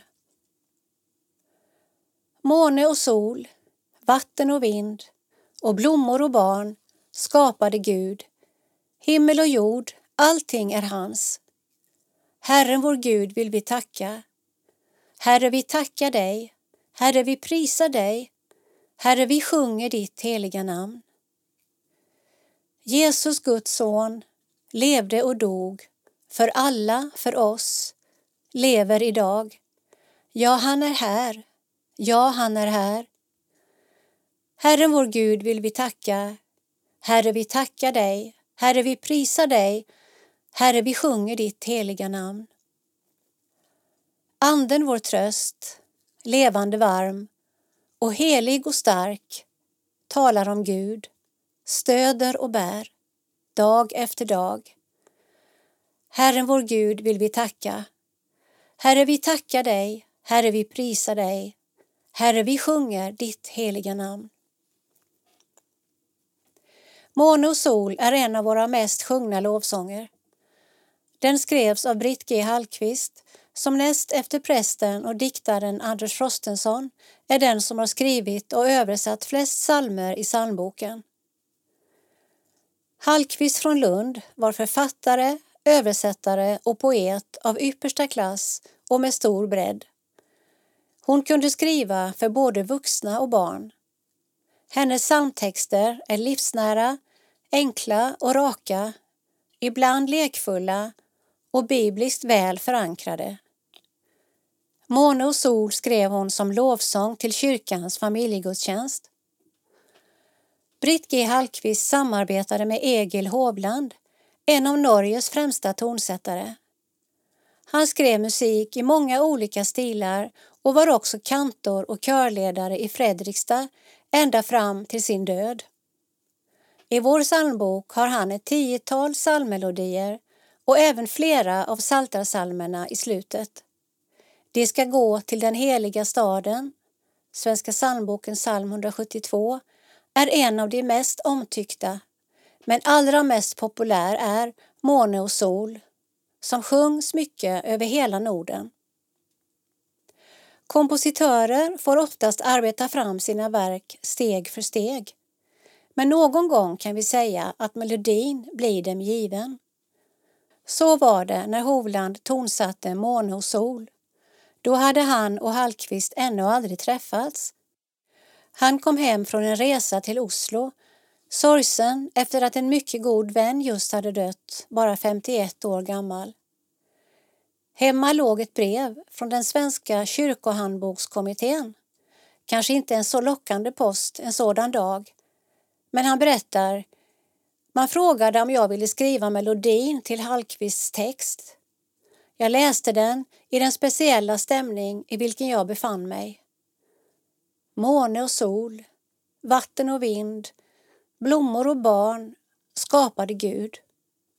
Då skedde något märkligt. På väggen hade jag bilder av mina barnkörer. Plötsligt var det som om barnen fick vingar och svävade omkring i rummet. Jag tog ett notpapper och då var det som om barnen, änglarna, blev till toner som dalade ner på notlinjerna. Omkvädet, parentes refrängen, slutparentes, fick sin melodi på 20 sekunder och hela sången var färdig på tre till fyra minuter. Varken förr eller senare har jag upplevt att en text och melodi funnit varandra så snabbt. Så föddes i sorgen en av våra härligaste lovsånger. Hovland säger Orden i texten gjorde mig glad mitt i vemodet och utlöste min egen lovsång och tacksamhet. Torbjörn Arvidsson Sida 54 Info Kalendarium, information, kungörelser, sociala medier och mycket mer som rör EFS och SALT. Har du frågor? Kontakta oss på budis efs.nu. På gång! Söndagskvällar. Gemensam bön klockan 20 till 21. Info finns på efs.nu b. 26 november. Umeå och Skellefteå. Ledarskapsskola för 15 till 18-åringar. 29 november. Online. Internationell kväll. Sänds på EFS Facebook. 7 december. Online. Samtalsträff för medlemmar i EFS Västerbotten om framtiden som region eller distrikt. 10 december, Göteborg. Julkonsert med Lutherska Missionskyrkans kör, Johannebergskyrkan.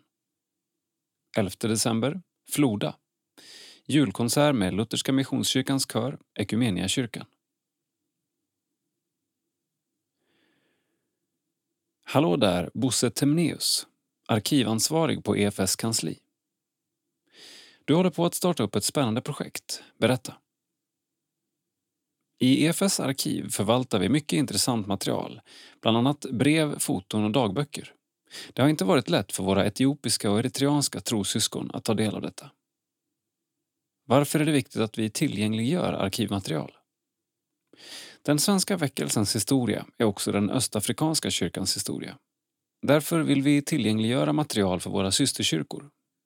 Tack vare ett generöst bidrag från Lunds missionssällskap kan vi arbeta med översättning och digitalisering under det kommande året. Har du fått någon respons på projektet från forskare och studenter i Östafrika? Det är etiopiska och eritreanska forskare och studenter som påtalat behovet.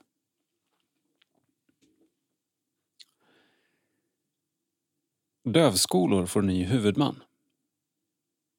Den evangelisk-lutherska kyrkan i Eritrea har under många år drivit två skolor för döva eller hörselskadade barn.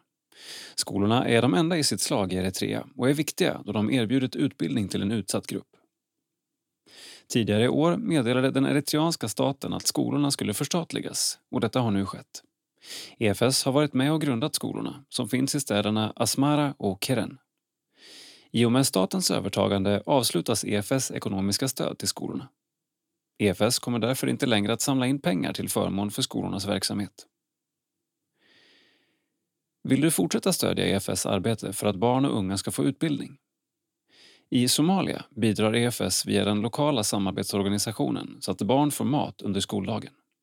I Malawi stöttar EFS utbildning av unga ledare och i Etiopien driver vår partner både förskolor och yrkesutbildningar för unga. Läs mer på efs.nu ge.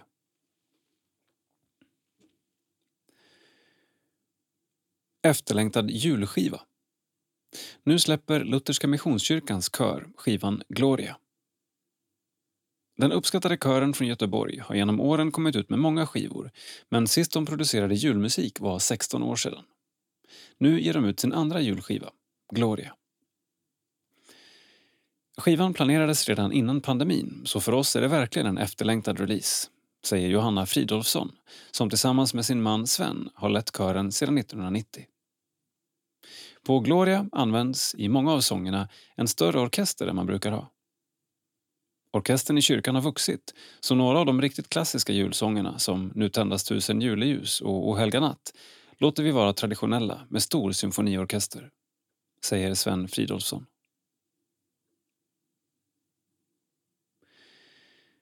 Kallelse till EFS årsmöte. EFS årskonferens med årsmöte 2023 hålls i Umeå den 19 till 21 maj. Motioner till EFS årsmöte den 15-19 maj lämnas fyra månader före årsmötet till EFS styrelse, senast den 15 januari 2023. Styrelsens yttrande ska göras tillgängligt senast fyra veckor före årsmötet i EFS huvudorgan. Motion rörande stadgeändring lämnas sex månader före årsmötet till EFS styrelse, senast 15 november 2022. Styrelsens yttrande ska finnas tillgängligt senast tre månader före EFS årsmöte i EFS huvudorgan, efs.nu. Rätt att väcka motion tillkommer revisorerna, ansluten EFS-förening eller EFS-grupp och varje medlem i EFS.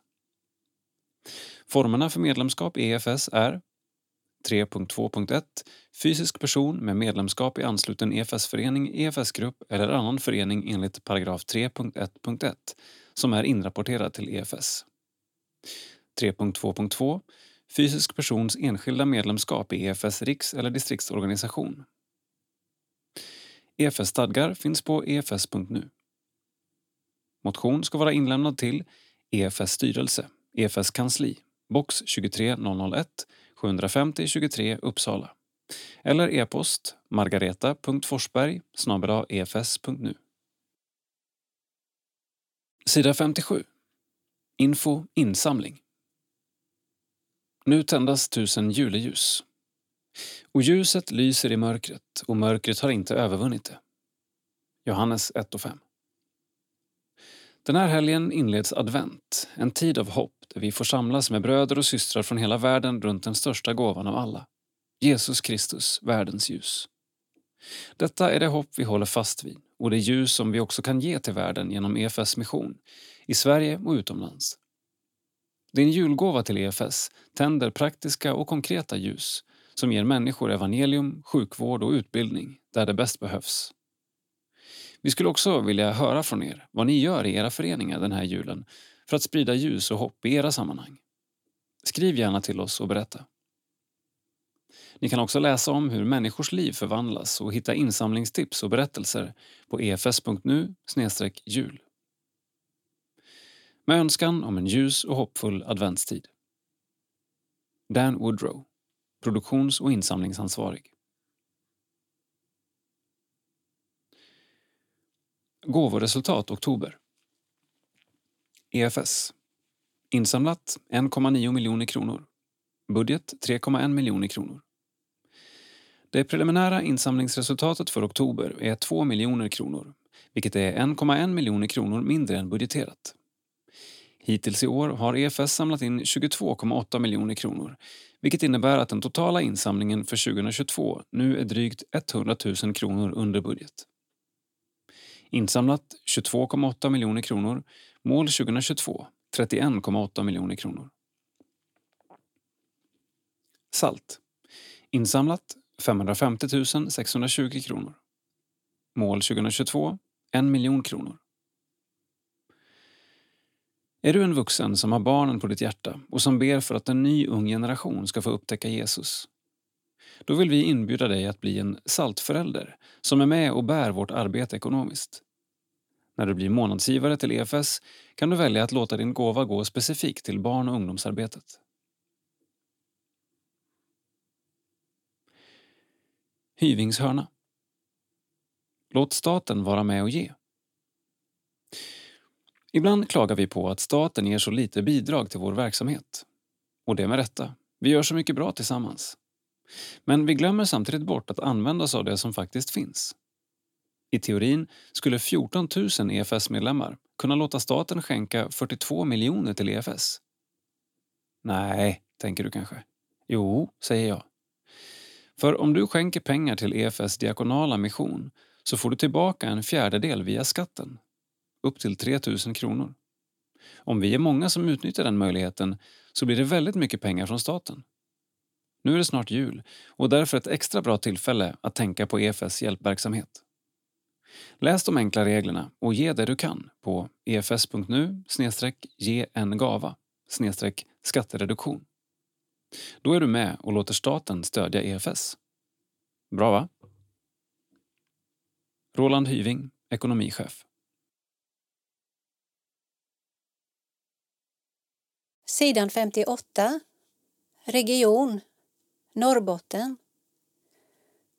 Efterlängtad resa med smak av Guds kärlek. Efter en lång tids väntan fick en grupp scouter i EFS Norrbotten bege sig till vänförsamlingen i Tanzania. Samuel Eriksson berättar om en omvälvande resa fylld av sång, gräshoppor och gästfrihet. Text Samuel Eriksson. Bild Privat. Vår vänförsamling i Roantege, anonymt belägen i Tanzanias nordvästra hörn, har sedan januari 2019 varit målet för mig och mina scoutkompisar i projektet Scouta Nia. När vi första gången satt med planeringsgruppen trodde jag knappast att vi skulle nå dit. Det var ett sådant enormt projekt. Så kom dagen. Dagen då all planering, alla insamlade pengar och all förväntan ska omvandlas till något konkret. Vi kan äntligen resa. Vi kämpar oss genom ett smockfullt Arlanda, tvingas spendera ett dygn i Qatar på grund av missat flyg och behöver ta en omväg via Mwanza innan vi till sist landar i Bukoba. Resan gick må hända inte som planerat, men lika fullt når vi vårt mål. På flygplatsen står representanter från vår vänförsamling uppradade och agerar välkomstkommitté. Vi får alla motta var sin tanzanisk flagga som vi poserar med på en gruppbild. Senare under dagen bär det av mot själva Ruantege där vi ska vistas framöver. Från bussens fönster skymtar Victoriasjön gräshoppsinsamlare och vidsträckta bananbuskage. När vi närmar oss byn hör vi sång och musik som blir allt starkare. Väl framme omringas vi av byns kvinnor som hälsar oss välkomna med glädjefylld sång, ljudande trummor och viftande blad.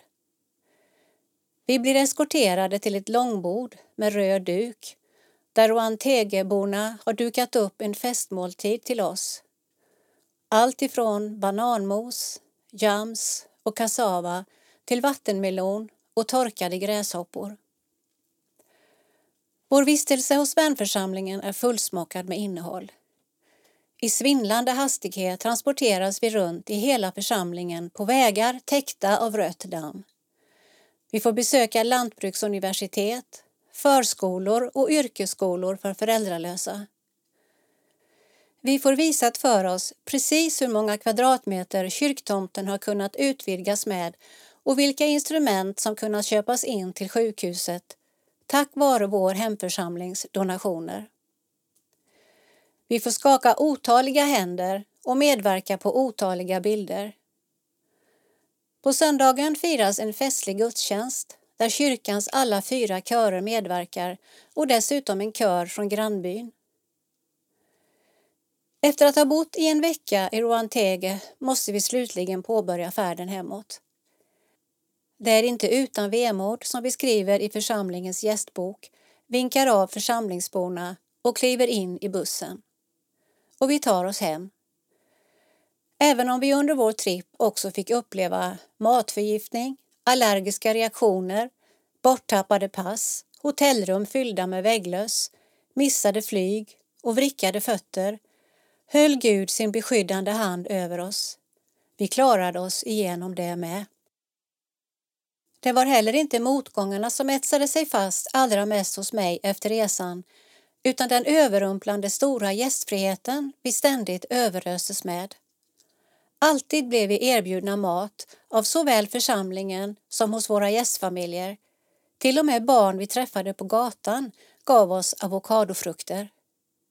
Jag fick en skjorta uppsydd till mig, nya sängkläder varje dag, tårta till frukost och nytvättade kläder fastän jag insisterade på att det inte var nödvändigt.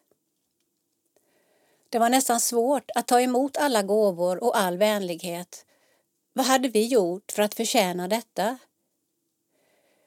Detta blev starkt för mig. På något sätt visade det i miniformat på den nåd vi får ta emot genom Jesu död. En nåd som vi lika lite förtjänar. Tänk att en resa till Ruantege anonymt beläget i Tanzanias nordvästra hörn, kunde ge en sådan uppmuntran till gästfrihet och en försmak av Guds kärlek. Halleluja! Vilket evangelium!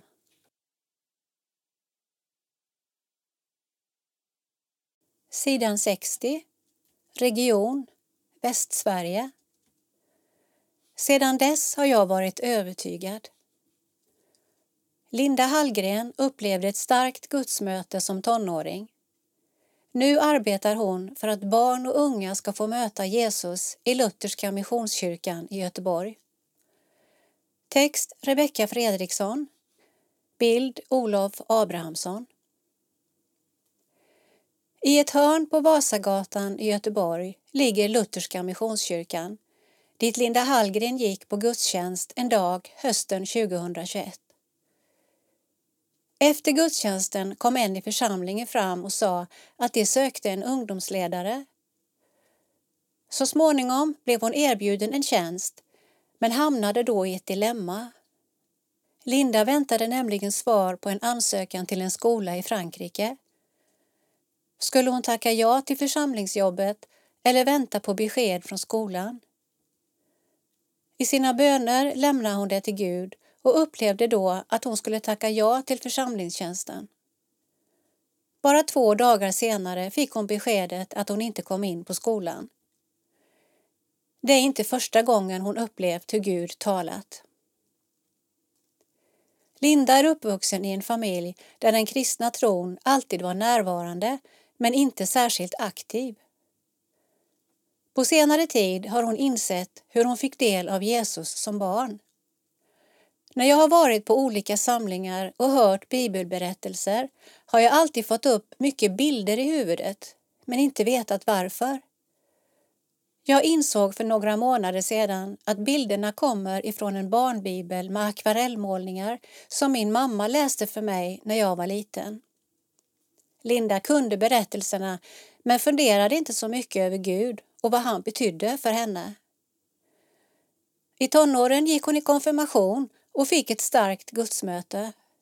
Under en andakt hörde hon en stark vind inne i kyrkan men ingen annan hon frågade hade hört något. När hon pratade med en ledare hjälpte han henne att förstå att det var Gud som hade visat sig för henne. Sedan dess har jag varit övertygad. Under resten av tonårstiden blev läger, församlingens ungdomsgrupp och den kristna skolgruppen viktiga. Särskilt läger skapade en rytm i livet och blev en plats där hon mötte många vänner. Församlingen i Lutherska kännetecknas av sitt stora musikarbete som till största del drivs av ideella krafter. Musiken är ständigt närvarande även i Lindas liv, även om det inte ingår i hennes tjänst. Hon beskriver sig som en musikberoende person som ofta upplever frid i ljudet från olika instrument. Hon älskar lovsången i församlingen och känner sig ödmjuk inför att få spela tillsammans med alla de fantastiska musiker som är med. Den mesta av Lindas arbetstid ägnas åt möten med barn, föräldrar, tonåringar och unga vuxna.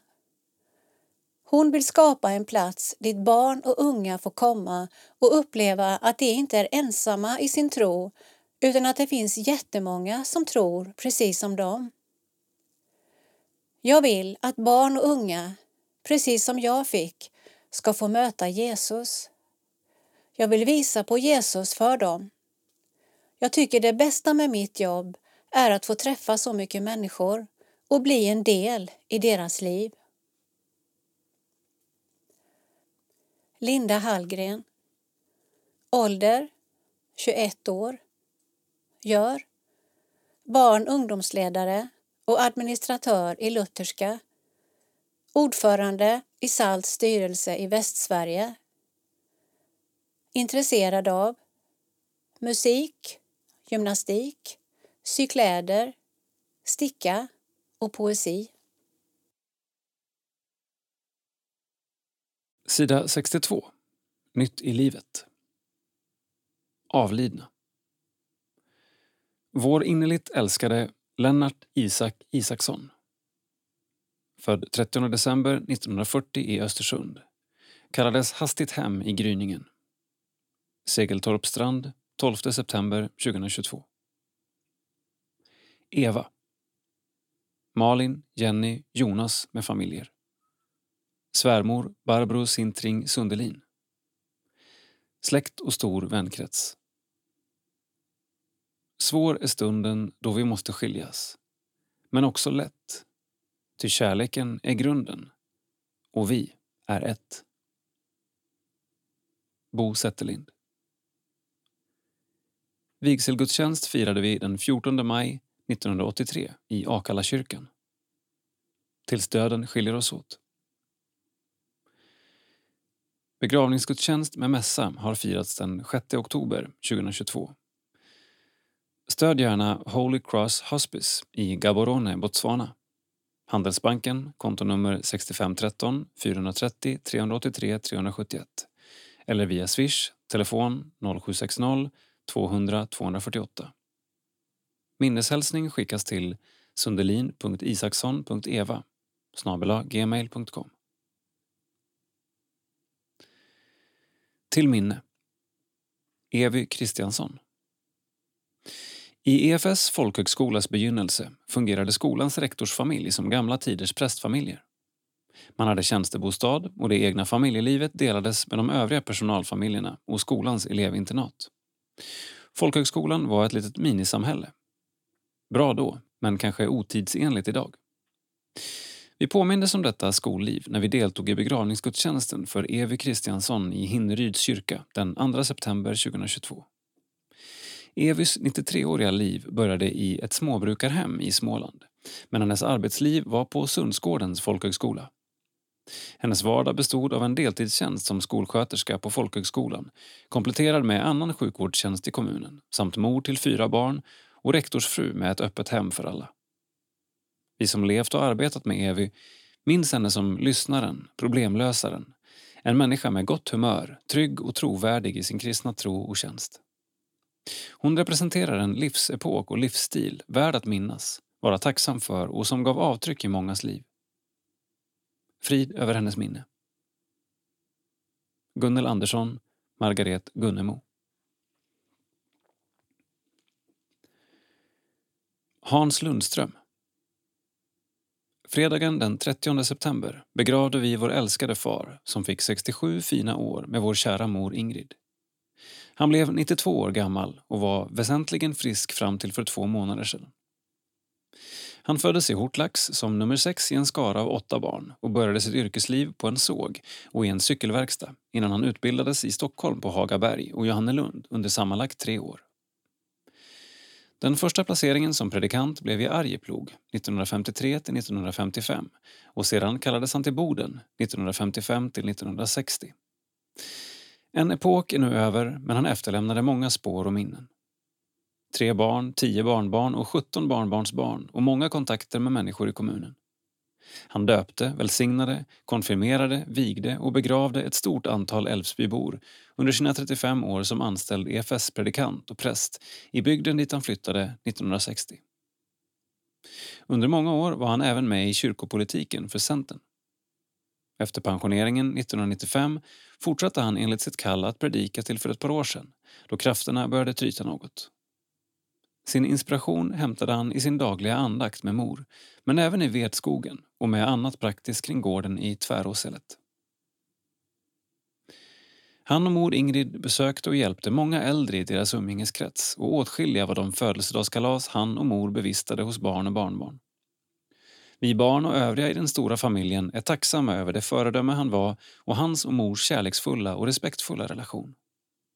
Vi hoppas och tror att han nu får uppleva det han troget predikat om, i Guds himmel. Sture, Kerstin och Anita med familjer. Ingvar Holmqvist Att kort sammanfatta Ingvars liv är omöjligt. Han föddes mellan två systrar på det lilla torpet Västaberge i byn Mörttjärn ett par mil från Boliden i en EFS-släkt på faderns sida. En spjuver och buset fanns kvar hela livet. Under lumpen i Boden träffade han sin stora kärlek Evi. Fotografering och marknadsföring var stora intressen hela livet men under 1950-talet kände han kallelsen och flyttade till Lidingö för att läsa till pastor i Svenska Missionsförbundet och blev den sjätte predikanten från denna lilla by. Under studietiden jobbade han som krogpastor i Stockholms undre värld. Sedan var han Väster och Norrbotten trogen. Trots att han själv valde SMF låg EFS alltid nära hans hjärta och i nära 30 år var han huvudansvarig för Mörtjärnmötet en tältmöteshelg som samlat in drygt 520 000 kronor till förmån för EFS mission. Han tjänstgjorde som bataljonspastor i FN två perioder. Han tyckte om att vidga vyerna och trots minimala språkkunskaper lyckades han alltid göra sig förstådd. Förutom att föra ut det kristna budskapet, vilket alltid var nummer ett, så brann hans hjärta för nykterhet. Han var djupt engagerad i MHF och en eftertraktad antidrogföreläsare. Som alltid kommer slutet fort, även när det är väntat och den sista inplanerade resan till huset vid foten av Holmqvistberget i Mörttjärn hann inte genomföras. Den 20 augusti blev det himlen istället. Ingvar blev 88 år och efterlämnar hustrun Evi, tre döttrar med familjer och många vänner. Familjen.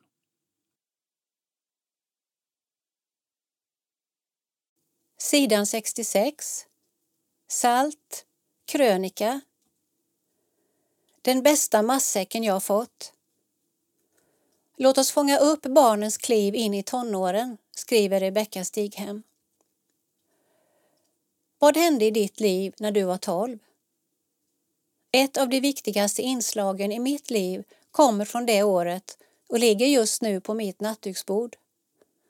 På första sidan står det Till minne av söndagsskolan. I vår församling var man med i söndagsskolan till och med det år man fyllde 12. Övergången till den nya fasen uppmärksammades på julfesten då alla tolvåringar fick ta emot en egen bibel. Jag hade fått välja vilken slags färg på skinnet jag ville ha och minns doften av den nya boken. Till och med ett fodral att lägga den i. Så här personlig hade en bibel aldrig känts. Efter årsskiftet kunde man fortsätta i söndagsskolan som hjälpledare men det stora låg i något annat. Nu fick vi börja komma på fredagskvällarnas tonårssamling. Var i låg det speciella med detta? Jo, till hösten skulle vi alla börja sjuan och i vår stad skedde då det stora skolbytet. De små, trygga klasserna bröts loss och alla slogs ihop på den stora högstadieskolan i helt nya konstellationer. I sjuan kunde allt förändras. Med detta i åtanke gjorde vår församling alltså två saker. Det första var att fira och högtidliggöra avslutningen av vår söndagsskoltid. Det andra var att bjuda in oss till tonårsgruppen redan en termin innan skolbytet. Istället för att vänta fångade de upp oss precis på tröskeln och fick oss att känna oss mycket större än vi var. Och tonårsgruppen var något annat. Här fick vi möta undervisning, bön och lovsång på ett djupare sätt än förut. Vi fick också lära känna, parentes, läs, beundra, slutparentes, äldre kristna ungdomar som till och med gick på gymnasiet. Att vara så vuxen, hur var det ens uppnåeligt? Detta var året då jag fick åka på mitt första ungdomsläger. Året då jag fick drabbas av Gud på riktigt. Året då jag kom med i en kristen skolgrupp. Året då jag fick möta nya ledare. Och framför allt året då jag själv började läsa Bibeln. Genom den personliga gåvan väcktes en nyfikenhet och läsningen öppnade en ny värld. Fanns det texter som var så här utmanande, så här tydliga, så här utrustande? Understrykningarna av blyerts finns fortfarande kvar som en glimt av mitt första möte med ordet som levande och verksamt. Detta är bara en av många personliga berättelser. Jag tror att det finns många bra exempel på hur vi kan prioritera barn och unga. Men jag är berörd över att ha fått tillhöra en grupp som vuxna tog på allvar. Som aktivt blev sända in i sin nya livsfas och dessutom med den bästa födan nedpackad i matsäcken. Låt oss fundera på hur vi gör detta fortsättningsvis. Rebecka Stighem, generalsekreterare SALT